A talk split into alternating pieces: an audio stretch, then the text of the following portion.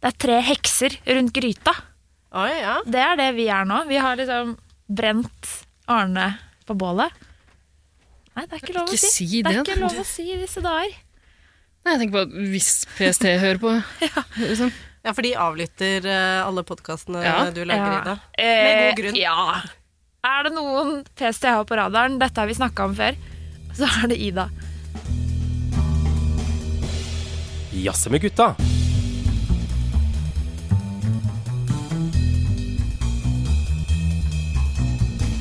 Og velkommen til Jazze med gutta. En podkast for deg. Jeg sitter Takk skal du ha. Du venta så lenge der. Venta Ja. du på at du skulle si takk? Ja. Ja, tusen takk. Takk! Vær så god, Ida. Vær så god, Ingvild. Yay! Åh, jeg er litt rusten, merker jeg. Ja, Er vi alle det, eller? Ja. Lenge Ja. siden vi har jazza. Det er faen meg et år siden Det er et helt år siden vi satt her sist. I guttegarderoben. Ja. Det er lenge siden. Det er veldig lenge siden. Det er så godt som på dagen et år siden sist. Uh, her har det jo ikke skjedd eh, en dritt inne i guttegarderoben. Her har det ikke vært rydda. Den ble jo evakuert etter uh, forrige Ja. episode. Det er ingen som har tørka spindelsvev i Spindelvev hjørnene, og eller spønk, og eh, det som verre er, eh, alt av belegg på, på de gamle suspene. Ja, det, de, akkurat de suspene hadde nok trengt en runde i eh, trommelen, for å si det Ja. sånn. Den stanken, den, eh, Den blir Ja, vanskelig å få ut nå. den gjør det. Jeg syns det er ganske guffent her. Det var guffent her sist, det er guffent her nå. Eh, Litt skumle lyder, syns jeg hører. Ja, Ja, og er det blodflekker jeg ser der nede på gulvet? Ja, Hvis det er rødt, så er det blod. Er det noe annet, så er det antageligvis sæd. sæde. ja. Ja. Mm. Sånn er det her i guttegarderoben. Da er det begge deler her. Rett og slett. Sånn er det når eh, gutta samles. Da blir det blod, da blir det spønk, da blir det god stemning og skummel stemning. Ja. Jazze med gutta er en slags round table kulturpodkast, vil jeg like å kalle det. Mm. Eh, det har gått en god stund, som sagt, siden sist vi lagde noe sammen. Ja, jeg husker ikke hvordan man gjør det. Hvordan man jazzer med gutta. Nei, Det er så vidt jeg husker det sjøl. Det er nesten ingen som har jazza med gutta sine i løpet av koronapandemien. Det er ikke det, vet Det er helt sant. Vi har sittet i hver vår stue og jazza med oss sjøl. Mm. Til og med, altså, eh, jeg tror vi har pleid å introdusere oss selv liksom, lenge ja, før vi sant? kommer så langt inn i podkasten. Uh, ja. Kanskje vi eh, skal gjøre det nå? God Ja. idé. Det Hvorfor er ikke? altså tre eh, gærne kulturtanter som har samla seg her i heksesirkelen. Ida, hei på deg. Hei på deg, Hanne. Det er veldig hyggelig å være her med deg. Ja, godt å høre. ja. eh, vi har også med oss halloween-ekspert og gæren. Nei. Heks. Ja, ekte heks. Uh, Ingvild. Ja, veldig hyggelig å være tilbake, og takk for at jeg ble invitert eh, atter en gang eh, til å dele av min um, halloween-ekspertise. Det har jo blitt fast tradisjon. Ja, Hvor mange ganger har du vært der nå? Blir ikke dette fjerde gangen? Jo, du har bare vært med i halloween-episoder. Ja, det stemmer. Det er en halloween-episode det her òg. Det er det det er. Fjerde gangen, gitt. Vi holder halloween-tradisjonene i hevd her i Jazze med gutta. Det er viktig, det. Mm. Ja, Bortsett fra én gutt, da. Vi mangler jo Ja. én gutt. En kjernekar. Mm. Um, hvor han er i kveld, det er det ingen som veit. Eh, han, vi får ikke tak i han. nei, det er ganske skummelt, egentlig. Men uh, vi vet jo det, alle vi som har sett litt skrekkfilm, vet jo at det er de kåteste som dør først. Mm. At Arne ikke er blant oss lenger i guttegarderoben, det, Det sier jo sitt, ja. Ja. kunne vi sett komme. kunne vi sett komme. I tillegg til dere to heksefjes, så er det meg. Eh, Queen Bee Hexerini. Mm. Eh, Hanne heter jeg. Og jeg gleder meg til å snakke om den nye Halloween Kills-filmen. Som er tema for Jazze med gutta i dag. Som sagt, det er fjerde år på rad med halloween-tema. Jeg er forferda og stolt på samme tid over at vi har fått dette til. Det er Ja, det er rart at du er her. Ja, Faktisk. du er den mest pinglete personen jeg kjenner. Ja. Livende redd er du. Ja. Ja. Ingvild, skrekkfilmekspert og ganske sånn herda. Jeg er Ja. kanskje midt imellom. Mm. Men ja, du tør det her, Hanne. Og, og i det hele tatt at, eh, at noen kulturtanter eh, som meg og Hanne, da, som er så lite opptatt av halloween som fenomen, har lagd Fire. Ja, det er imponerende, vil jeg si. Rare greier. Det er jo egentlig bare en unnskyldning for å lokke halloween- eller skrekkfilmekspert Ingvild Ingse the Killer Ja. inn i studio. Det er koselig. Absolutt. Jeg setter pris på det. At jeg får kommet meg ut en, en gang i året. Ja. Ja, for du hadde vel ikke vært interessert i noen andre av episodene våre? Nei, jeg gjør jo ikke annet Nei. enn å se på, på halloween-relaterte filmer og serier. Nei, ikke sant. Vanligvis så eh, Altså, Jazz med gutta handler som sagt om forskjellige typer kulturuttrykk, om jeg får lov å si det sånn. Mm. Ehm, ja. Vi skal altså snakke om det beste kulturuttrykket, ifølge Ingvild. Det verste, ifølge meg. Midt imellom, sånn ifølge meg. Ja, ok. Men før vi skal starte preiken om det, så vil jeg gjerne høre hva dere har jazza med gutta deres om siden sist. Hallo, Hva skjer da, bro? Hall, halla? slapp av, kompis. Jeg bruker aldri kondom. Hei, bror. Få på noe, eh, få på noe Fifa. Blir det med å snu noen kalde, eller? Har du en IPA? Er du homo, eller? Det er ikke homo hvis ikke du liker det, bror. Skal vi runke sammen? Jazz, jazz, jazze med gutta. Hanne, kulturtante og Pingle. Eh, hva er det du har jazza om siden sist? Det er jeg spent på å høre. Jeg har lest en bok! Woo! Du, du, du, du, du, du. Har du lagd ditt eget airhorn? Ja, det har jeg også, siden sist. Jeg Imponerende. Takk. Begge deler, eller? Ja. Be- Begge deler er veldig imponerende. Du vet jeg har mulighet til å klippe inn airhorn. På det her, for eksempel. Sånn kan det høres ut. Eller sånn du, du, du, du, du, du. ok, nå skjedde det et eller annet. Um, oppi her. Ja. Nei, Men gratulerer med å lese en bok. Tusen, det er mer enn hva jeg har fått til i løpet av pandemien. Altså. altså jeg har hørt en lydbok, da, for å være helt ærlig med dere. Um, jeg har hørt Lydbøker er bøker, det også. Ja. Jeg har på en måte lest en bok, da. Ja, Ja, jeg har i hvert fall kommet meg gjennom en det, fortelling. veldig, det er veldig diskriminerende overfor blinde hvis man uh, ikke kan si at man har lest en bok når man har hørt en lydbok. Det er godt sagt. Mm. Veldig godt sagt. Jeg er veldig opptatt av at man ikke skal diskriminere Det er du, Ida. Veldig opptatt av det er du. akkurat blinde. Ja, ikke sant? Mm. Alle andre, fyr løs. Ja. Nei, men jeg har lest en bok eh, som heter 'Mamma er trygda'. Åh, Eh, Og det er Mimi Kristiansson som Ja. har skrevet eh, Ja. en slags kombinasjon av sakprosa, essay-ish. Hanne, er du kommunist? er du kommunist, du? Det var vel ikke noe nytt? Og nytt for meg. Nei, det var ikke Jeg går jo rundt med denne breen min Uh, og dreper rike folk overalt. Ja, Den er grei, men nå blir, det, nå blir det hets. Nå blir det trusler i innboksen. Kommer til å komme fra meg. Ja, ja. ja. Jeg får bare deale med det. Ja. Uh, da anbefaler jeg deg å lese boka 'Mamma er trygda', så Ikke kommer du til å komme over på min side. Uh, en utrolig, syns jeg, da, og den har fått ganske greie anmeldelser, for å si det sånn. Eh, Ja, det er viktig. Det er viktig. det er veldig viktig. Eh, nei, det er en bok som handler om Mimi Kristianssons egne erfaringer som sønn av en trygda foresatt. Min foresatt er trygda, var den arbeidstittelen, og så bytta de til mamma helt på tampen. Mhm. Eh, Men den er, som sagt, da, både sånn sakprosa, mye kilder og mye liksom, fakta om hvordan ståa er blant landets trygda. Bitte litt kjedelig, eller? Eh, kjempespennende, syns jeg, fordi det nyanserer bildet av trygdebeistet. Um, Jeg syns det høres jævla spennende ut. Jeg. Se Ja. hvordan den gjengen der egentlig er. liksom. ja, Det var bare sånn- mye kilder og sånn, så tenker jeg jeg vet ikke hvorfor jeg formulerte det på den måten. For det er ikke sånn at det er sånn, ja, da har vi kommet til denne, og så har vi ramsa opp masse kilder. Nei, Ja, ikke men det, men Å, å, å oppsøke rare vesener i deres miljø, liksom finne ut hvordan de lever. Det Ja. er jo det er litt som når David Attenborough besøker apekatter der Ja. ute. Ja. ingen sammenligning for øvrig. Eh, nå trengte jo ikke Mimi Kristiansson å dra så veldig langt. Han kunne på en måte bare dra hjem til eh, sin mor eh, og se tilbake på oppveksten sin med en mor som da eh, fikk en kreftdiagnose før han ble født, og levde med eh, kreft hele hans oppvekst. Er du død, eller er det en spoiler? Og... Hun døde før boka kom ut, men hun Ja. levde faktisk veldig, veldig lenge. Eh, men var da syk i veldig, veldig mange år. Ja, for Hvis hun ikke hadde vært død, så hadde det ikke vært noe problem lenger. Nå har han kommet seg inn på Stortinget. Da hadde han jo fått et par ekstra leiligheter å låne bort. Og det hadde True. sikkert ordna seg for mamma da. Ja, altså det var jo ikke det at ikke det noen gang var ordna forhold, for det har det jo på en måte vært. eh, det har vært trange kår, eller liksom hva man skal si. Altså, det er jo tøft, det er beinhardt å være trygda. Det har jo åpenbart du- gått til helvete. Sånn er blitt kommunist. uh, ja.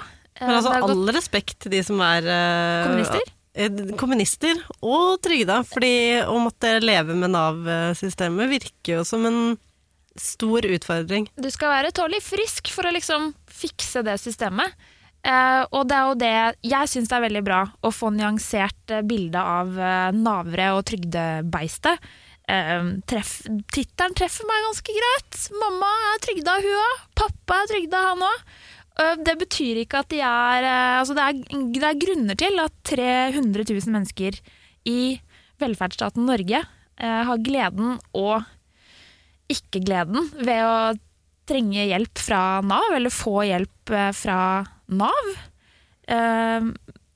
Det er skikkelig viktig å få de stemmene fram. Og det syns jeg Mimir gjør på en veldig god og ærlig og sår måte. Eh, Han beskriver Altså fordi sykdommen i perioder har på en måte overtatt veldig mye da, av hennes eksistens og også da relasjonen de to imellom, fordi han må ta ansvar for veldig mye rundt ehm, ja, hus Sånne praktiske ting som det, da. Det er mye rundt huset. Raking, snømåking. Hvis du skjønner hva jeg mener, da. At man må ta mye ansvar, og at liksom det med sykdom og sånn opptar mye av samtalen og dialogen mellom de to. Det er jævlig kjedelig. Been there. Og han beskriver så tydelig og ærlig hvor kjedelig det er å snakke på telefon med mora si. Eh, Det syns jeg også av og til. Fordi sånne Det er skikkelig tungt. Eh, Og det å liksom si det helt ærlig, og også si hvor dårlig samvittighet man får etterpå, fordi man har sittet på telefonen og bare sånn Herregud, er det ferdig snart?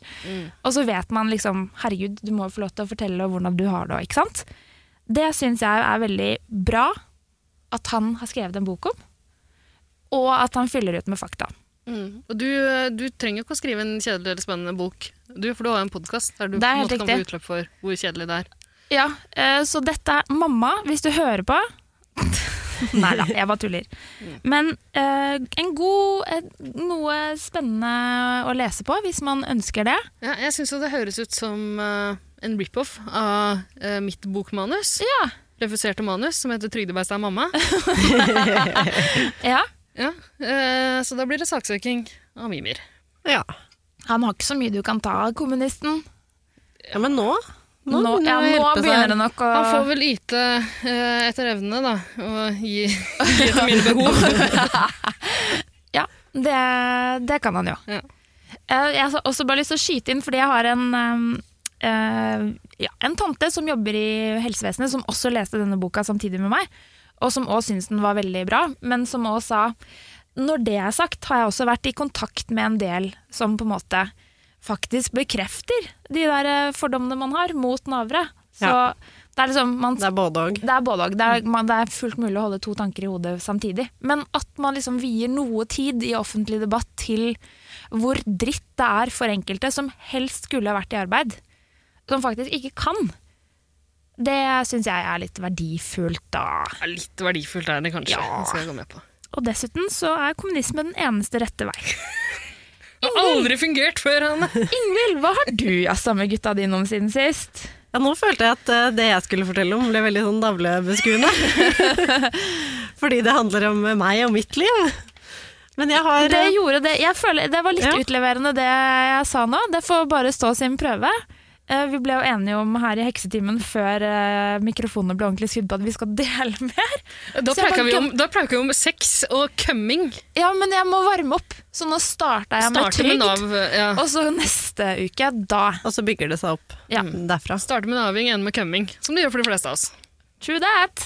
Men jeg vet ikke om vi har så mye vi kan lære av, av min opplevelse, da. Men eh, jeg har eh, vært på en yoga-retreat i Ålesund. Oh, snap. Åh, ja, du var med familien din, var jeg ikke det? var med familien, med mamma og pappa og broren min. Ja. Eh, og eh, dette var en gave til mamma eh, til hennes 60-årsdag. Ja.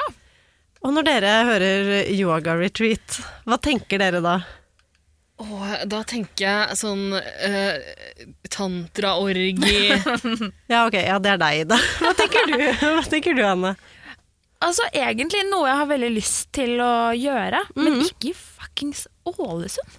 Men tenker du at det kanskje er litt sånn, litt sånn Ja, ja. avslappende? Det er Mhm. zen, det er uh, uh, vegansk mat. Og kanskje at det er litt sånn, litt sånn profesjonelle rammer rundt. Ja, Ja. pling-plong-musikk.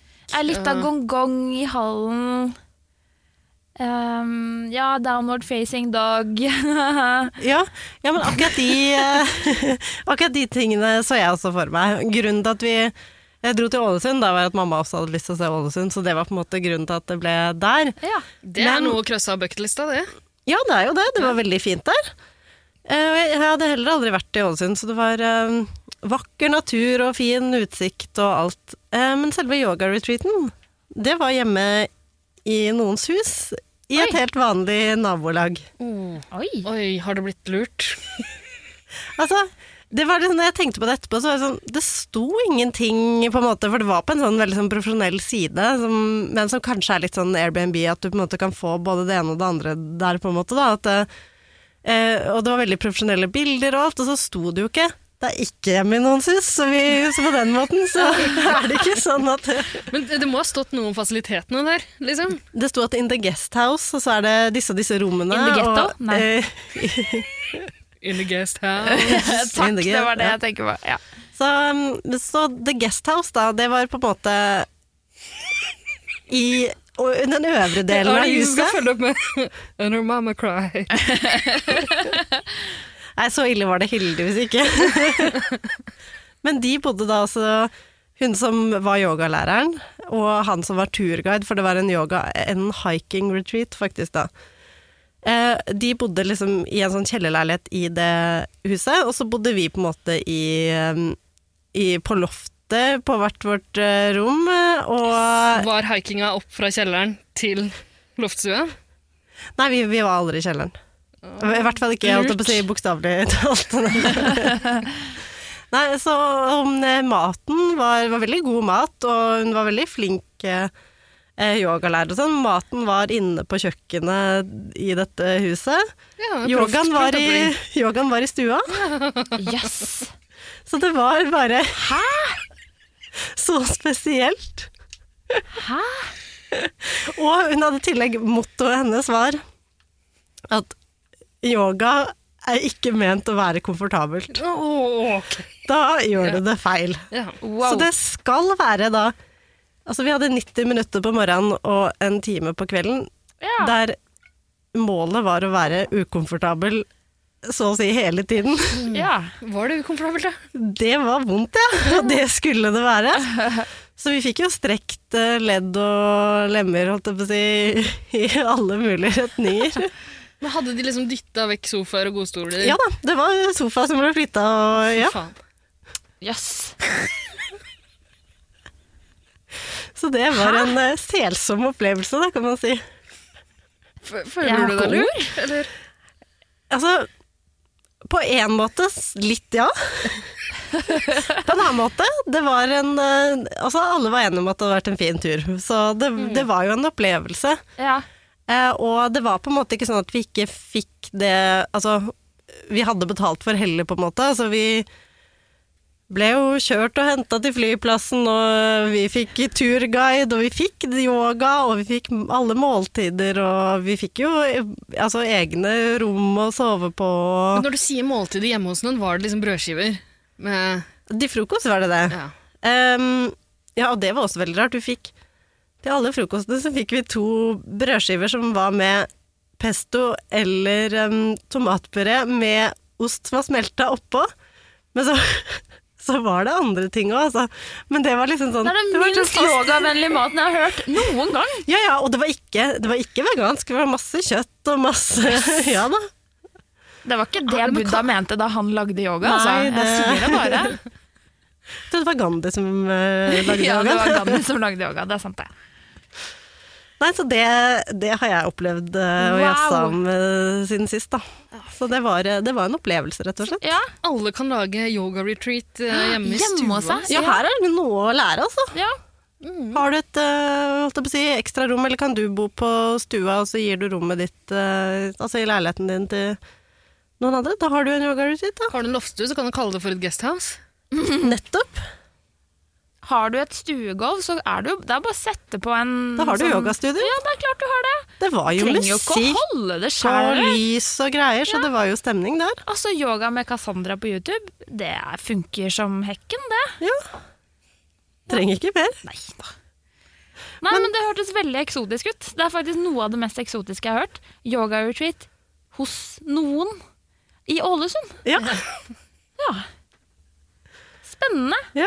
Så jeg er spent på hva du har jazza om eh, siden sist, da, Ida. Vanskelig å følge opp de to gripende historiene her. Det er det. Gripende historier. Åh. Men hvis jeg skal eh, knytte eh, en slags rød tråd til noe av det dere har snakket om, Spennende. eh, så kan jeg i hvert fall si at jeg også har liksom opplevd noen små øyeblikk av zen i det siste. Ja.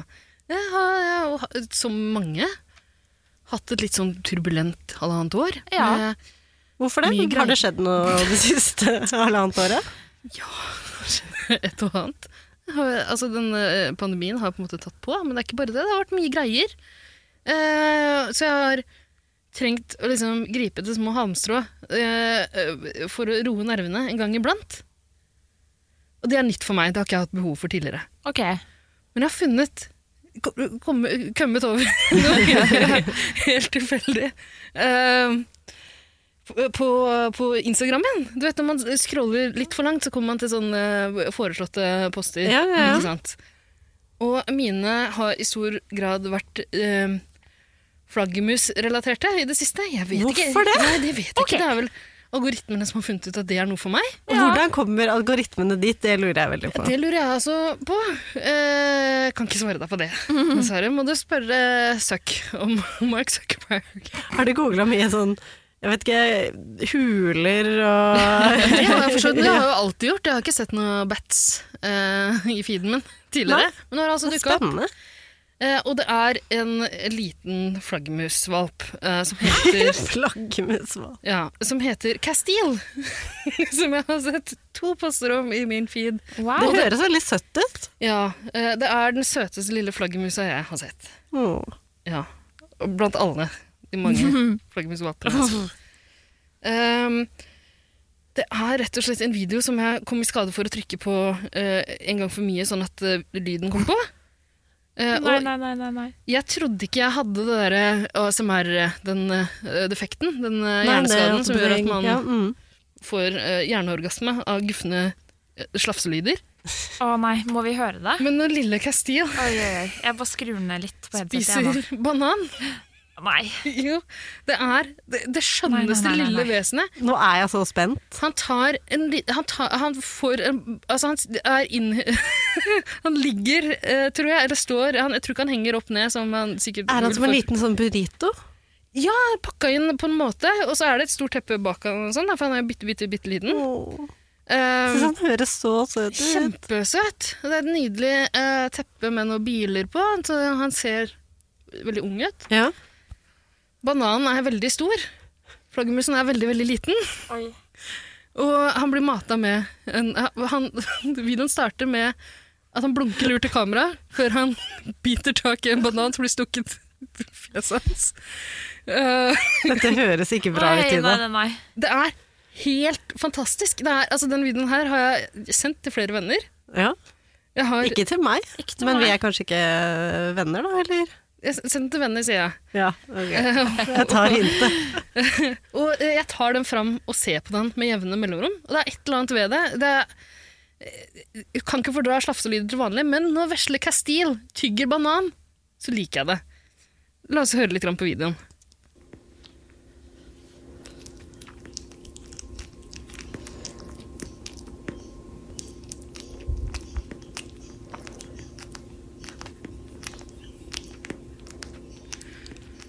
Så Castile har altså eh, bitt av en litt for stor bit av den bananen her, og sliter litt med å, eh, med å svelge det. Tygge og svelge det. Å. Mens han blunker med ett øye og stirrer inn i kameraet. Altså, det er helt vanvittig. Kom og se her, Ingvild. Kom og se. Hanne, kom hit, du.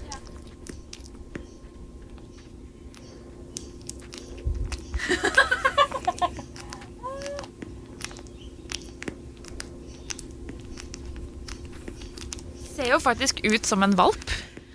Det er en liten flaggermusvalp, og det er Altså, det er et eller annet ved det. Det er det søteste jeg har sett. Jeg, jeg vet ikke, jeg er vanligvis ikke typen til å falle pladask for dyrevideoer. Jeg hadde aldri trodd jeg skulle synes at en flaggermus eh, så liksom såpass søt ut, men Den den så så jo nesten ut som en valp. Veldig søt. Men eh, jeg kjenner folk som har sånn utrolig sterk reaksjon på spiselyder. Eh, til alle dere, beklager for det dere måtte liksom. Ja, stemmer. Ja, men jeg liker vanligvis ikke det sjøl. Men Nei. jeg tror man, kanskje man må se den. Jeg tror ikke bare Ja, lydene. det tror jeg også. Nei. Ja, for fjeset til Hanne når, Åh, når du bare faen. hørte, det var Ja. eh, Det så ut som du gjennomgikk en slags form for tortur. Ja, jeg pleier ikke egentlig å synes at det er så ille, men det der var uh... Du tok av deg hodetelefonene, sa jeg. Ja, jeg gjorde men det. Du, hvis Ja. jeg får lov Det har jo hendt tidligere at jeg har snakka litt for lenge i denne spalten som heter Hva har du jazza om siden helt sist? riktig. Og jeg har jo fått streng beskjed tidligere om at jeg bare kan velge én ting. Ja, og det har du valgt. Og nå Eh, men jeg har jo en annen lyd som jeg tror kanskje kan falle mer i smak for deg. OK. Ja, Kan jeg, kan jeg trekke fram en, en ting til jeg har jazza om i det siste? ok. Ja, ikke sant? All, I løpet av pandemien har alle jazza med sine gutter om eh, Netflix-serien Drive to Survive. ikke sant? Ja, i hvert fall en del. Ja. Ja, det er Formel 1-serien, eh, dokumentar. Ja. Nydelig. eh, vanvittig gode historier om en rassidrett. ja. Veldig bra serie. Ja, en gjeng eh, rike rasshøl som kjører rundt og rundt på banen. Tenk at det skulle være så interessant å se på. Uh, den og masse andre sånne sportsserier. Eh, Michael Jordan-dokumentaren har fått mye buzz, ikke sant? Eh, hvilke andre? Uh, den derre uh, Sunderland uh, Til til deg deg. Mm. Ja, den er altså vanvittig sterk. Jeg har jo sett på disse seriene ja. og fått mersmak. OK. Uh, så jeg har gravd litt, grann, funnet, eller fått anbefalt av en venn, en annen sånn sportsdokumentar som jeg elsker. Den heter Hard Knocks. Basket? Nei, um, boksing? Nei, det skulle man kanskje tro. Men det er amerikansk fotball. Ok. Ja. Ja. Jeg skulle si ishockey, men jeg aner ikke hvorfor det. Jo, det er harde nok både i boksing og, Det er, det er sant. hockey. Det er sant. Men amerikansk fotball er en annen kontaktsport, selvfølgelig. Eh, jeg er ikke så interessert i idretten, men Nei. nok, til at jeg sitter oppe og ser på Superbowl da, og har sett en og annen kamp en gang iblant. Syns det er spennende. Har jo et favorittlag. Hva er det, da? De må jo skifte navn fra, oh, ja. fra Redskins. Ja. Washington Redskins. uh, får ikke hete det lenger. Uh, får heller ikke ha en logo med en amerikansk urinnvåner, Hanne, kan jeg si. Flott. Uh, på, ja, på logoen, så de har skifta nå til bare en, en W. Det er dritstygt. De har faktisk gjort det. Ja. Jeg visste ikke det. Jo, det er en slags framgang. Ja, men de måte, kunne jo ha funnet noe annet. da. De trengte å ikke liksom ta bort Washington Washington Presidents. Absolutt. The Washington Monument. Å, den var ikke dum! Den, var faktisk ganske fin! Skal vi ringe USA med en gang og si I have a suggestion? Gjør det. De har jo et baseballlag som heter Washington Nationals. Ja, men, det, det, er noe helt høres- annet. The Washington Malls? Ja. ja. Jeg kan fortsette, jeg. Altså National Mall, tenker du på det? ja, Kanskje Du skal bli sånn konsulent som finner på nye navn til, folk som har, eller altså til de lagene som har upassende lagene. Ja, men drømmejobb! Ja, men Det virker som du kan være ganske god på det. Ja. Washington Monuments er knallsterkt. Ja, altså. helt enig, og der kan du jo liksom lage en fet logo. En veldig kul og rar maskot, Mm. som bare er et monument. Nei, men man kan jo ha mange I Blinken-monumentet. Linken i blinken. ok, Janne. Du kan tjene noen er- millioner er på det der. Altså. Ja, Dette her. Ok, så den serien her, eh, det er en dokumentarserie der de følger, eh, i hver sesong så følger de et lag i opptreninga, altså treningscampen, treningsleiren, før sesongen starter. Ja. Eh, og da er de altfor mange spillere, og de skal kuttes ned til 53, som er, det, som er eh, antallet de må ha for å starte en sesong. Det er mange. The Washington 53 for eksempel. Er ikke det mange? Eh, Jo, det synes jeg òg. Men det er jo en litt annerledes idrett enn eksempel fotball, hvor du har tre innbyttere. Ja. Ja, Um, ja for, og så skader de seg hele tida òg. Ja, Eller- men de har også, det er liksom et Derav Hard Knocks. De, de spiller jo ikke hele uh, kampene, hvis vi kan kalle det det. Nei. De spiller jo, Det er liksom offense, defense og Ja. special teams og Mm. sparke ja. Uh, forskjellige deler av laget. Forskjellige folk som spiller. Uh, så når de har disse treningsleirene, så, så bor de sammen på en leir. Og da er det noen som stjerner som har vært på laget lenge, eller nettopp kommet til laget, etablerte spillere, men også helt ferske unge folk. Det er jævla fascinerende å se på. Ja. Jeg elsker det. Det er også masse sånne deilige menneskelige historier. Noen rasshøl, noen folk du får, eh, noen folk du får sympati for med en gang. Noen kjendiser? Noen veldig kjente spillere? Eh, det er en del ganske kjente spillere. Eh, en som heter Ocho Cinco, blant annet. Raring. eh, Som, han bytta navn fra Jones eller sånt, til Ocho Cinco fordi han hadde nummer 85. Ikke sant? Eh, han blei sparka av et lag fordi han banka eh, kona si. Ok. Ja, men han var ganske kjent. The Washington Wife Beaters, da. ja, den er ikke så verst. Men det er noen sånne øyeblikk av send i den serien her også, som jeg syns er helt fantastiske. Nå er jeg litt spent. Ja, eh, blant annet et som jeg håper dere vil sette pris på. Det er, man blir jo litt kjent med disse spillerne. Og det er en ung fyr som skal fortelle litt om sitt privatliv. Og noen har spurt kan du fortelle litt om barna dine. Ja. La oss høre hva han har å si. I ain't love him up over there. I know you didn't. And what happened? Banged her, And what? And at the time you said, "Hey, I'm getting off in one on one." What did you do? beat the hell out of her. Okay, but you don't do. You don't bring that all the time. when you're on the football field, you have to turn, you know, all the aggression on. But as soon as you leave and get home, you got to be that father figure, you know, that that husband. What is wrong? What's wrong with your hair? what is going on with your hair? We got Alonzo, who is five. I have um, Karis, who is three. I have my my junior, which is three. I have a my daughter who just turned three as of yesterday. Um, I have another son named Tyler. That's uh, he turns three in December. I got another uh, daughter that was born October 16th named London. Another daughter that was born named Leilani, who's uh, two years old, and uh, I have uh, my newborn with my wife. Her name is Jersey. Wow. Wow, Ja, det er innsats. produktiv type. Det kan du si. Tenk å ha så mange ferske treåringer Ja, det er veldig fascinerende. ja, som ikke er twinsies eller tripletises. Nei. Men er dette ASMR for deg? Ja. Jeg får hjerneorgasme av det her. Nei, men eh, blir dere ikke fascinert? Veldig. Gjør jo det, og så er det jo Altså Ja. Det er jo ganske sprøtt å tenke på liksom hva en del eh, dudes kommer unna med. Og liksom den statusen en del sånne idrettsstjerner har i USA. Og for så vidt i Norge òg. Det er jo mange her eh, som har unger i alle havner, på en måte. Men kanskje ikke på akkurat samme alder? Nei. Nei, og så er det noe med å ha liksom fem treåringer. Mm. Jeg regner med at han har sikkert ikke ekstremt mye ansvar for de. det er bare en antagelse fra min side. Han Men det å gå fra den ene trassige treåringen til den andre, det er, uh, høres slitsomt ut. Ja, det er praktisk fordi at de kan feire bursdag sammen og Kjempepraktisk. Det gjør de ikke.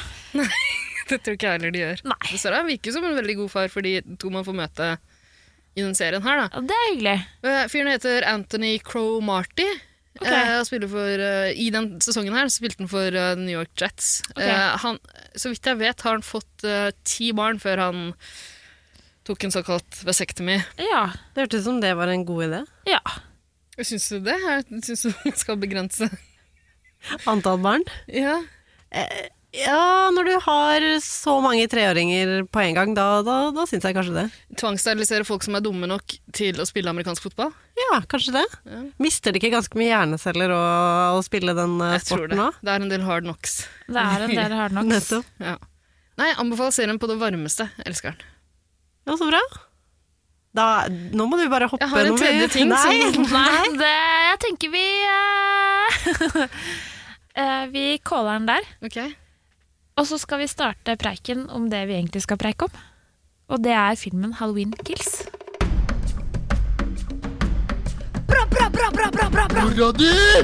Wow. Mora di! Lekken pilsa! Ikke er det kvinnfolk, og ikke er det fotball. Å, fy faen. Gidder du å passe meg med generalen, eller? Jazze med gutta. Skumle filmer har kommet for å bli. Eh, det tenker i hvert fall jeg, da. Provoserende innsats. Brannfakkel? Ja, Det er jo ikke alle som liker det. Du liker ikke? Nei, på ingen som helst måte.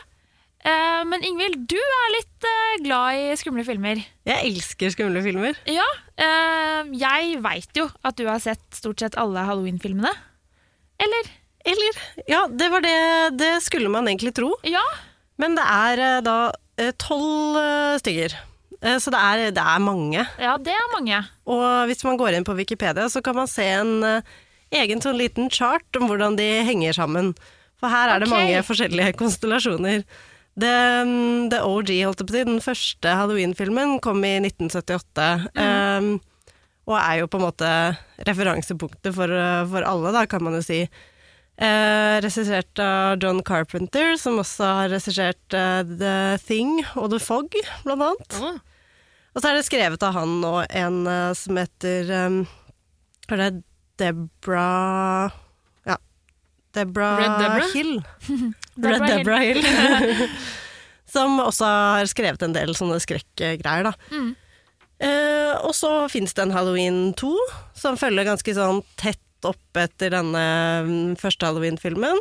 Og så finnes det en Halloween 3 som er helt løsrevet fra alt eh, det her igjen. Ja. Mens Halloween som kom i 2018, som på en måte er forgjengeren til eh, den filmen vi skal snakke om eh, nå, den er en direkte Den følger direkte på fra den første Halloween-filmen, men ignorerer alle de andre sequelsene, da. Nemlig.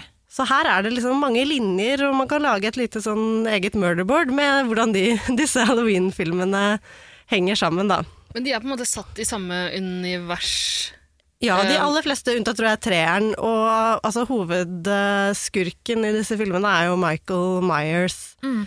som eh, da han var seks år drepte storesøstera si, eh, og som også da er eh, broren til Laurie Strode, som er eh, Herregud, nå fikk jeg helt jernteppe på hva hun heter. Jamie Lee, Jamie Lee Curtis. Jamie Lee Curtis, ja. Ja. Som jo er kanskje Altså, de to er veldig ofte med, da, Ja. i disse filmene. Uh, så greia er jo egentlig at han er uh, egentlig som et lite monsterbarn i hodet, men med styrken til en eh, stor mann. Han har vært eh, innelåst på eh, et sånn mentalsykehus helt siden han drepte søstera si som seks år, og så Og Har han det i alle filmene, eller tenker du på nå i den tidslinja vi er i nå? Eh, Liksom, nå i de fleste så har han da sluppet ut, eh, ja, så mm, jeg tror han alltid har vært eh, for det meste av livet innelåst på mentalsykehus, da. ja. Eh, og at han da på ulike filmene- tidspunkt slipper ut på en eller annen måte, da. Ja. Og går etter da eh, søstera si, sin gjenlevende søster. ja. Mm. Så det er vel på en måte plottet, det som henger Altså Altså som eh, Ja. Men er, det, er Jamie Lee Curtis søstera til Michael Myers? ja. Og det var jeg litt usikker på. Jeg så den fra 2018. Den så jeg uh, i forgårs. Uh, I går var vi sammen og så uh, den nye. Eh, og siden de henger såpass tett sammen, så hadde jeg lyst til å ha den i bagasjen. Og da satt jeg og jazza med, med et par venner og så den her, og eh, da jeg skulle prøve å fortelle dem litt bakgrunnshistorie eh, Jeg tror de har sikkert sett omtrent like mye som meg, men eh, så følte jeg vel en trang for å fortelle likevel. Da. Eh, og da, da var jeg så usikker på alt sammen. Blant annet det med hvorvidt hun var søstera.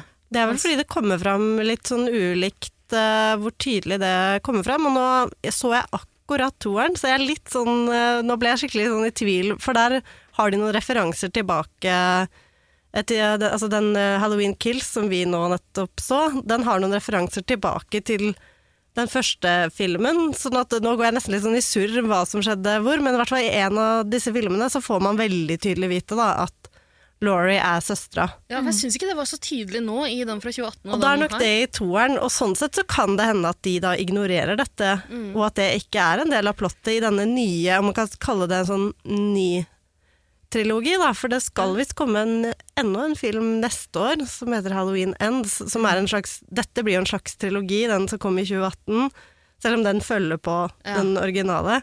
Og så denne som vi nå nettopp har sett, Halloween Kills, og så skal det komme en Halloween Ends, da, som virker som det blir en slags Høres ut som det blir en slags avslutning på den. Mm. Uh, jeg hørte en gammel Jazz med gutta-episode fra 2018. og Ja. Ja. Og da også tror jeg vi, uh, vi stilte deg litt spørsmål om uh, hvordan Hvorfor er han så opptatt av Laurie Strode? Hvorfor er Michael Myers så opptatt av henne? Kanskje jeg ikke visste da, at han Nei, for da, at det, det da var tror jeg- søstera. Da tror jeg de snakket om Men jeg lurer også på om de har gjort det forskjellig. Jeg har sett noen filmer her og der, liksom. Eh, og jeg, har- jeg har en vag fornemmelse av at de er søsken, men beskrivelsen du ga den gang, var at hun hadde levert en nøkkel i det huset han vokste opp i, og han hadde sett det, og så begynte å liksom følge etter henne.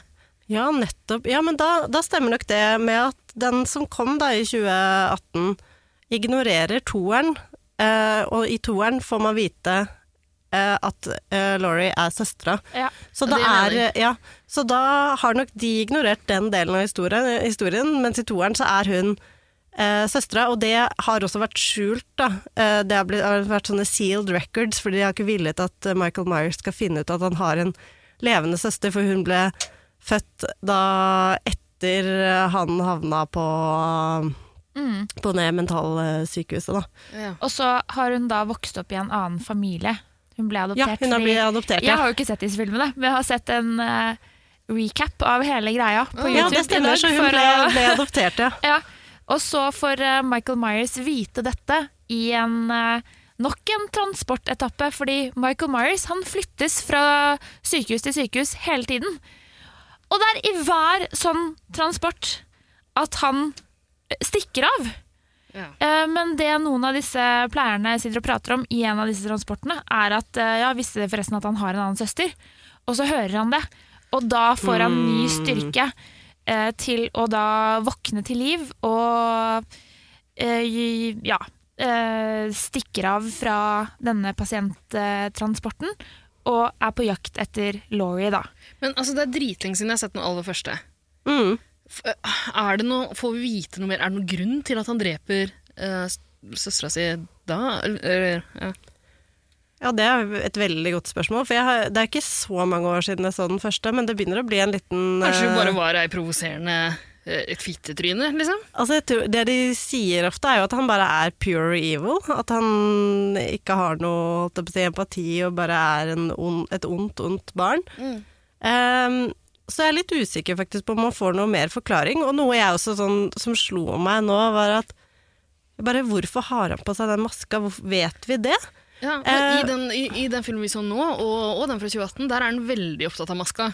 En Ja. sånn, eh, ja Det ser ut som det vekker et eller annet inn han er trenger han jo ikke den for å skjule identiteten sin, fordi han Altså, man vet jo at det er Michael Myers, sånn at sånn sett så er det jo ikke så veldig mysterium Altså, det er kanskje et mysterium hvordan han ser ut, men det er jo ikke Ja. noe mysterium hvem han er. For vi får vel aldri i, jeg, kan huske, jeg har sett eh, noen av filmene, som sagt. Jeg kan aldri huske at vi har fått liksom, sett fjeset hans. Noen Man ser et har fått sett det, Glimt i, i toeren, faktisk, okay. men det er veldig mørkt. Og, så du får ikke på en måte Det kan hende hvis man fryser bildet og zoomer igjen at du får se noe, men du får ikke se du får ikke se det liksom opplyst eh, ansiktet hans, da. Nei, i den nyeste filmen nå, eh, Halloween Kills, der, der er jo det et lite plot point, da, Mm. egentlig. At, at man ikke vet hvordan han ser ut.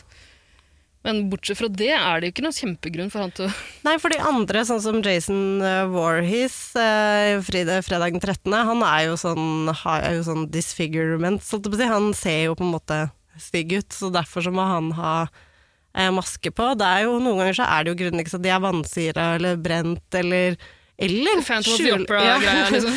eller skal skjule identiteten sin. Mm. Mens med Michael Myers så er det litt mer sånn Da er visst greia litt at det er halloween.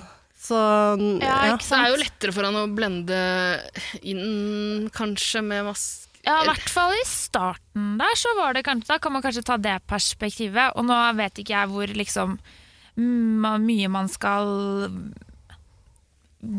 wannabe psykoanalysere denne karakteren. Men det tenker jeg jo at Halloween, i hvert fall den ene Halloween-filmen som jeg nå har sett, på en måte eh, veksler mellom et eh, sånn eh, hvordan tar samfunnet vare på mennesker med psykisk eh, uhelse. Eh, og så vipper det plutselig over i noe litt sånn super, supernatural-greier. Altså Mm. at det er en sånn der veldig, veldig rar vipping. Men hvis man tenker på akkurat det der med å bruke masker, det kan jo være mange ulike måter. Man kan sminke seg veldig, veldig hardt. Eller ikke hardt, men veldig Mm. mye. Og så kan det oppleves For, for Ja, en som altså- strever litt, da, så det kan man jo se rundt i bybildet at hvis det er Altså, Lilly Bendriss hadde jo ikke klart å drepe så mange som du har gjort. Hvis ikke jeg hadde så nei, men det er en helt reell greie. Uh, at liksom det å skjule seg på en eller annen måte gjør at eh, mennesker som strever litt, uh, på en måte beveger seg fritt allikevel, hvis du skjønner hva jeg mener. Mm. Men jeg er ikke verken godt nok oppdatert på filmuniverset eller psykisk helse til å kunne uttale meg om noe akkurat det. Men det er jo mange ting som er litt sånn OK. Ja, for det er, Sånn det er et veldig det. godt poeng det du tar opp, um, Hanna, som kanskje er liksom litt u ulik grad hvor det, det det går litt år i det overnaturlige, også med at han ikke kan drepes, på en måte. At han, han tåler liksom å bli skutt i filler og brent og alt. Det er liksom ikke mulig å drepe han. Og der føler jeg at filmene er litt forskjellige, hvor på en måte Altså sånn, Kunne han faktisk overlevd og så traff akkurat de kulene sånn at de ikke traff vitale organer, og han fikk helsehjelp og, og sånn, Ja. Det er på en måte Det er noen, det er noen ganger i noen filmer han blir banka eller skutt eller brent så knallhardt at liksom Uansett om, om kulene ikke har truffet akkurat de vitale organene, så klarer han å reise seg og liksom Ja, så det er liksom helt sånn gjennomføre en killing Ja. spree. Og ikke for å foregripe hendelsene, men jeg òg blir helt sånn Altså, han har jo vært uh, Han har s- Illinois. Er det ikke noe sånn der eh, Altså, det er Amerika det er snakk om. Har de ikke noe sånn dødsstraffgreier, da? Denne mannen har jo kvalifisert til dødsstraff. Hvis du skjønner hva jeg mener? Tror du ikke han er for psykisk syk Jo, til å bli dømt til dødsstraff? ja, jeg, det jeg, jeg, tror i den første filmen så, øh, så Da var han jo seks år gammel da han tok Ja. livet av noen, og da blir han dømt til sånn 15 år. Ja, jeg skjønner at ikke det er noe mer enn det, men når han fortsetter eh, kjøre, og vi får et tilbakeblikk tilbake i tid hvor det eh, virker som at han har drept en politimann, er ikke det noe som utløser noe helt ville liksom, straffer eller restriksjoner? Hvorfor skal de transportere han? Det er mitt number one question. Nummer to er hvorfor har de ikke bare nuka hele Haddonfield? Altså, hvorfor ikke? Ingen, ingen kan bo der. Det bor, ja, det bor jo noen andre. Evakuere hele byen, og så Og hvorfor feirer de halloween? Hvorfor feirer de halloween? Idioter! Hvorfor har noen kjøpt huset? Der, altså, det er veldig mange ting. Altså, ja, men det er bare en film. Jeg skal roe Rogna. Men det er bare sånn derre Hvorfor? Det hadde jo blitt litt stusslig film, da, på en måte. Hvis, det ikke var noe. Ja. Det er et veldig godt poeng. Men det her er noe noe man sånn, ser i mange skrekkfilmer. Vi, Ja. eh, Ingvild og jeg har en annen podkast som heter Ghostface Dilla, der vi snakker om Mhm. Scream-filmene. Og der også er det jo, i en av filmene så kommer eh, helten der, The Final Girl, Neve Campbell, eh, Sydney Prescott, eh, kommer tilbake til byen der alt. Ja, gikk ja, galt. ja, det er alt uh, ja. Og der har de hengt opp de der eh, skrikmaskene som morderen hadde på seg. de har jo hatt kinovisningen med, og alle maskene. Ja. Det er kjempelett å gjemme seg bort med den der maske... Det blir jo ikke en film hvis ikke det er et veldig godt poeng. Jeg, ja, altså Men det er Ja. Og hvorfor man går aleine etter han. Bare sånn, hallo, lær av historien da, folkens. Men det er det ingen som gjør. Men jeg skjønner, da hadde det ikke vært en film. Og vi blir jo lokka til uh, kinosalen, vi. Vi gjorde det. Ja, vi, sånn sammen. Det var hyggelig. Første gang jeg var på kino siden før pandemien. Ja. Det var andre gang for meg, men jeg husker ikke hvilken film jeg så først. Oh, yes. Nei, jeg var og så en nesten likeverdig skummel film i juni, kanskje? Hvis det var lov å gå på kino da? Var det Aksel Hennie-filmen? Eh, nei, det var Heksene. Ja! Remake av Heksene. Ja, men det var Aksel Hennie-filmen jeg så. I onde dager. Det var den jeg så. Takk, Ine. Den hørtes- så skummel ut. Veldig voldelig, i hvert fall. Ja. artig. Men ja, det var jo en eh, Altså, jeg som den største reddharen i rommet, og sikkert inne på kinosalen også, var egentlig litt sånn overraska over hvor mange det var som dro i går klokka seks på en lørdag for å se Halloween Kills. Du var jo veldig nervøs. Ja, før filmen. Og Ja. glad for at du valgte en tidlig visning. absolutt. Du ville gjerne sitte mellom oss. Jeg ville egentlig Jeg prøvde- sitte nærest døra. Ja, Men da du ikke kunne det, så ville du sitte mellom oss. Ja. Og det sa du også da vi satt sånn og lysene ble slått av rett før Ja. filmen starta. Så prøvde jeg å hviske til deg. Er du sikker på det? Ja. Og da håpa jeg at Ingvild også skulle liksom stirre på deg for andre. Men uh, det hadde ikke noe særlig effekt. Jeg synes du, var, du virka ganske rolig til å være en så pinglete type som du er. Jeg følte meg veldig trygg mellom dere to. Ja, det er bra. Det Fordi vi ville blitt ha drept først. Ja, helt riktig. Ja. Det føltes så veldig trygt å ha hva var det, to kilo med popkorn. Ja, vi hadde ganske mye popkorn. For da hadde Ja. jeg noe å gjøre hele tiden. Spise popkorn kontinuerlig gjennom hele filmen. Litt feilkommunikasjon som førte til at, eh, at dere to kjøpte en diger delebøtte, mens jeg også kjøpte. Ja. ja, det var mye popkorn Ja. som dessverre gikk til spille. Men jeg var veldig glad for at vi hadde det vi hadde. Eh, og så var det ganske Altså det var mye reaksjoner i salen, eller i hvert fall de som satt rett bak oss. Lagde mye lyd. Lo veldig mye når det var sånne ekstremt groteske scener. Ja, og skvatt. De skvatt høylytt Ja. eh, også. Eh, skvatt med lyd, det Ja. gjorde faktisk ikke jeg. Men, Men, men det, det har jeg savna litt grann med å gå på kino. Ja. Og sånne jump scare, liksom. Ja, det er bare ja. reaksjoner fra Mm. andre i salen. Er Latter og jump scares. Og krangling. Ja. det var jo et det ble øyeblikk. krangling, ble nesten håndgemeng på kinoen Ja, det var ikke langt unna, nei. Nei. Ja, for det var jo en eller annen kødd da, som åpenbart ikke er vant med å gå på kino. Nei. Eh, Han satt og scrolla. ja, det skal, skal man ikke gjøre. Nei, det er helt enig. Det var helt riktig å si ifra. Ja, jeg, jeg fikk også flere meldinger av en venn som visste at jeg var på kino da. Da ble jeg rasende. Det syns jeg man skal la være. Det er jeg helt enig i. Men eh, ja, og vedkommende ble ganske forbanna da noen hadde sparka i setet for å be henne slutte å scrolle. Ja. Ja. Det går an å si fra på en hyggelig måte. Tenk å begynne å liksom kjekle sånn Ja. høylytt på kino. Nei, det er deilig å bare oppleve hvor gærne folk er. Ja, og så sa hun også enig 'jeg har den på dark mode', eller noe sånt. Så det Dark hjelper web, ikke. sa jeg. Ja, ja, Jeg er på dark web. Ja, jeg er på dark web, la meg leve! Ja, nei, Jeg leier en leiemorder akkurat nå. ja, nei det, var, eh, det var en spesiell opplevelse, men det jeg kan konkludere med, var jo at det var jo ikke så skummelt. Nei, Nei, du lo jo mer enn du var skremt, tror jeg. Ja, du satt og kniste gjennom hele. Ja, jeg gjorde det. Jeg var så Og så himmelfallen ut. ja, ja, men det var eh, Men det er også fordi jeg er ganske god på å lukke øynene i riktig tid. Ja. Så jeg, jeg slipper å se de verste, fordi du skjønner at liksom, ok, nå er det helt Nå stille. det nå er det fem sekunder, ja. Mm. og så smeller det. Jeg la merke til at det var no, et par av de groteske drapsscenene der du tok hendene dine foran Ja. øynene, faktisk. Ja, nei, jeg lukker øynene, eller så sitter jeg litt sånn. Og så var det den aller første jump scare-scenen, eh, som er i et sånn tilbakeblikk. Da eh, var det sånn at For den er jo tekst, da. Og så var det teksting, og så sto det plutselig prikk, prikk, prikk, mens det var still, stille. Og da var det sånn Ok, nå skjer det noe. Så nå er jeg med fram til han kommer til prikk, prikk, prikk, og så lukker jeg øynene, og akkurat da skjedde det noe. Så, Så lurt. det er min strategi. Ja, det var lurt. Jeg lukker øynene. Herregud, så clever.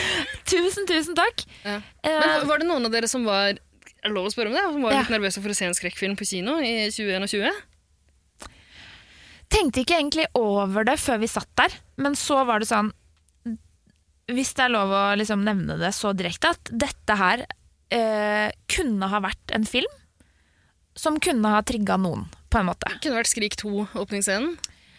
Det var jo heldigvis ikke det, og jeg ør- ørker, jeg orker faktisk ikke å tenke så mye på det, fordi det har jeg vært litt redd for i noen situasjoner. Det var jeg også da jeg så The Joker aleine. Ja. Så fikk jeg en sånn faen, her kunne det ha skjedd noe, men det gjorde jo ikke det. Det da. var jo en Batman-film det er det Ikke faktisk sant? var Uh... Ja. Men det er jo så mange skrekkfilmer som kommer altså, sånn, Det er jo ganske populær uh, sjanger. Da. Så selvfølgelig, jeg skjønner jo på en måte at det er mer sannsynlig der enn på kanskje verdens verste menneske, på en måte. Ja. Men det er jo likevel Det er så mange å ta av, da, og så Ja. mange kinoer og så mange saler og så mye sånn at Det er mye er farligere å sette seg i en bil. ja, det er det. det er det jeg prøver å komme fram til. ja, selvfølgelig. Nei, men, og, uh, jeg syns bare det er rart at jeg i det hele tatt fikk den tanken. Uh, Ja. Og det skal sies at det, er en venn av meg som da jeg sa at jeg skulle dra og se den, som sa eh, Er du sikker på at du skal se en skrekkfilm på kino, liksom? Det er så mye rart som skjer. Ja, For det hadde ikke slått meg et sekund, da. Nei, jeg, jeg, jeg begynte å tenke over det da, og det, det føles litt rart at liksom uh, Det er jo hele den eh, det er hele den greia med at man skal vel egentlig ikke gå rundt og være redd for helt eh, vanlige ting. Nei, eller da Jeg er vil ikke si at jeg var redd begynne... heller, men at man i det hele tatt liksom mm, tenker tanken. Da er det mye man må begynne å være redd for, tror jeg. Ja, jeg tror det. Med så mye sånn ofte Ja, sånne type hendelser virker jo altså Det fins jo så mye tilfeldig som skjer, òg, på en måte, eller sånn som bare er feil sted til feil tid, på en måte. Så det kan like gjerne være et annet sted, som akkurat i den kinosalen, tenker jeg.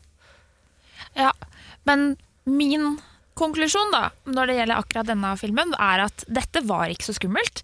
Ja, man skvetter av og til, men jeg ble overraska over hvor gira jeg faktisk er. For det første på å se neste, eller Ja. potensielt da siste, men òg på liksom komme litt mer inn i fortellinga. For Ja, dette her ja, er jo faktisk en fortelling som Ja, går over generasjoner. Og det, ja, jeg ble litt overraska over det. Eh, da jeg var på vei til kinoen i går, så sa jeg til meg sjøl Du har sett Hostel 1 og 2. Ikke av fri vilje. Det var en Ja, hvordan eh, kom du til å se Nei, de? det var storebroren til venninne og det. Nei, jeg vil ikke tenke på den perioden i livet der. Men jeg så de to filmene. Det var helt, helt forferdelig. Men jeg, det har jeg sett. Dette går bra.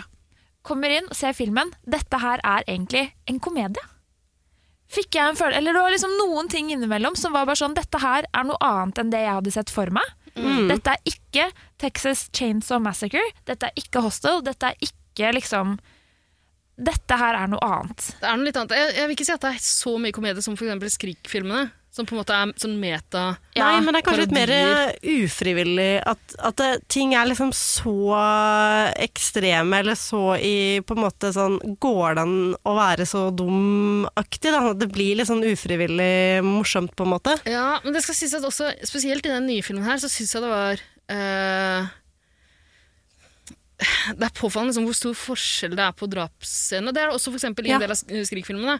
At noen er det åpenbart at de skal være veldig dramatiske, og du skal på en måte Uh, Du skal uh, synes det er jævla trist at den personen her dør, for den har blitt bygd opp til en du liker. Ikke sant? Mens noen er mer morsomme Ja, drapsscener. jeg skjønner hva du Som mener. du på en måte bare skal Mm. eh, kanskje bli litt skremt av, kanskje le litt av, og så gå Mm. videre.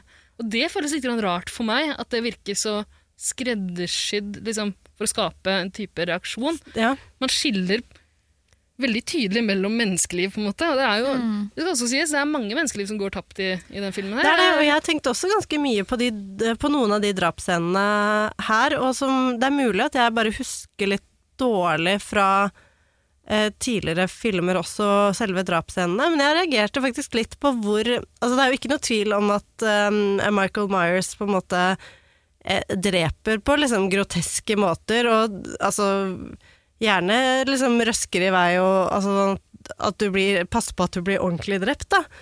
Men det, var, det er én ja, han, driver og han går ikke fra noen som er sånn døende. Nei, nei, det skal ikke være tvil om at de faktisk er drept, men det er jo én scene der han driver og stikker sånn masse sånn kniver sånn nedover ryggsøyla til en som jeg liksom følte var litt sånn out of character. Men det er Ja, mulig at jeg tar feil, men jeg syns det var så rart. Helt enig. Eh, Jeg hadde en lignende opplevelse da jeg så den eh, fra 2018, der han tråkker noen i hjel, på en måte. Men det, det, det, det er litt mer sånn mekanisk bare 'nå skal jeg drepe deg', Ja. eh, så det er kanskje litt mer in character igjen. Men ja, det er rart jeg forbinder Altså at det er greit at du omtrent driver og liksom øh, Leker med ja, ja. Men samme liksom, han, øh, han henger jo også opp en person på et gjerde på en veldig sånn bestialsk måte. Mm. Uh, det, ja, det er en slags sånn likskjending. Og det er også en som uh, Uh, En som dukker opp i filmen her, som snakker om at noen venner av han har blitt drept av Michael Myers, uh, og så likskjenda, på en måte. Ja. Og det tror jeg kanskje er mer Ja, mer type Kanskje det er bare at vi ikke har fått se det, da. Uh, altså at han selve holdt på å si, skjendinga, vi har sett dre drepinga, men ikke hva han gjør Mm. etterpå.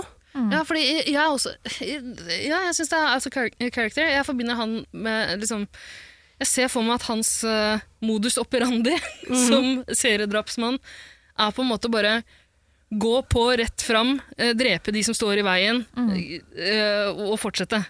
Eh, med den derre merkelige gangen hans. Ja, han er veldig sånn Det som slår meg med, eh, med Michael Myers, er at han har så god tid. Ja.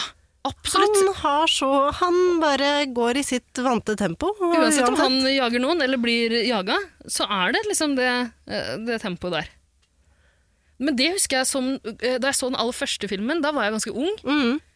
Det husker jeg som noe som var ganske skummelt da. da Ja, han går, han, jeg tror han det. sykehusganger eller på skolen, Mm. eller jeg husker ikke hvor, eh, hvor han bare går dritsakte, og du vet at den personen som nå Mm. løper for livet liksom, Du kan løpe så fort du vil. Han går dritsett, men han kommer ja. faen meg til å ta det. Ja. Det er helt sykt. Jeg husker det som skummelt, men nå syns jeg egentlig det bare var Det er bare rart. Det er litt rart.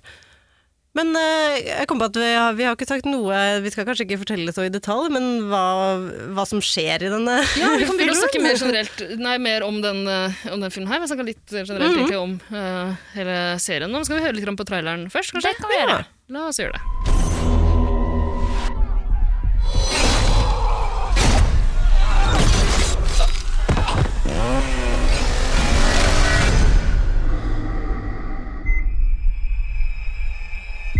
My grandmother was right. The boogeyman was real. It's over. We can't hurt anyone ever again. No one told you. Told me what? Somebody in there? Michael Myers is alive.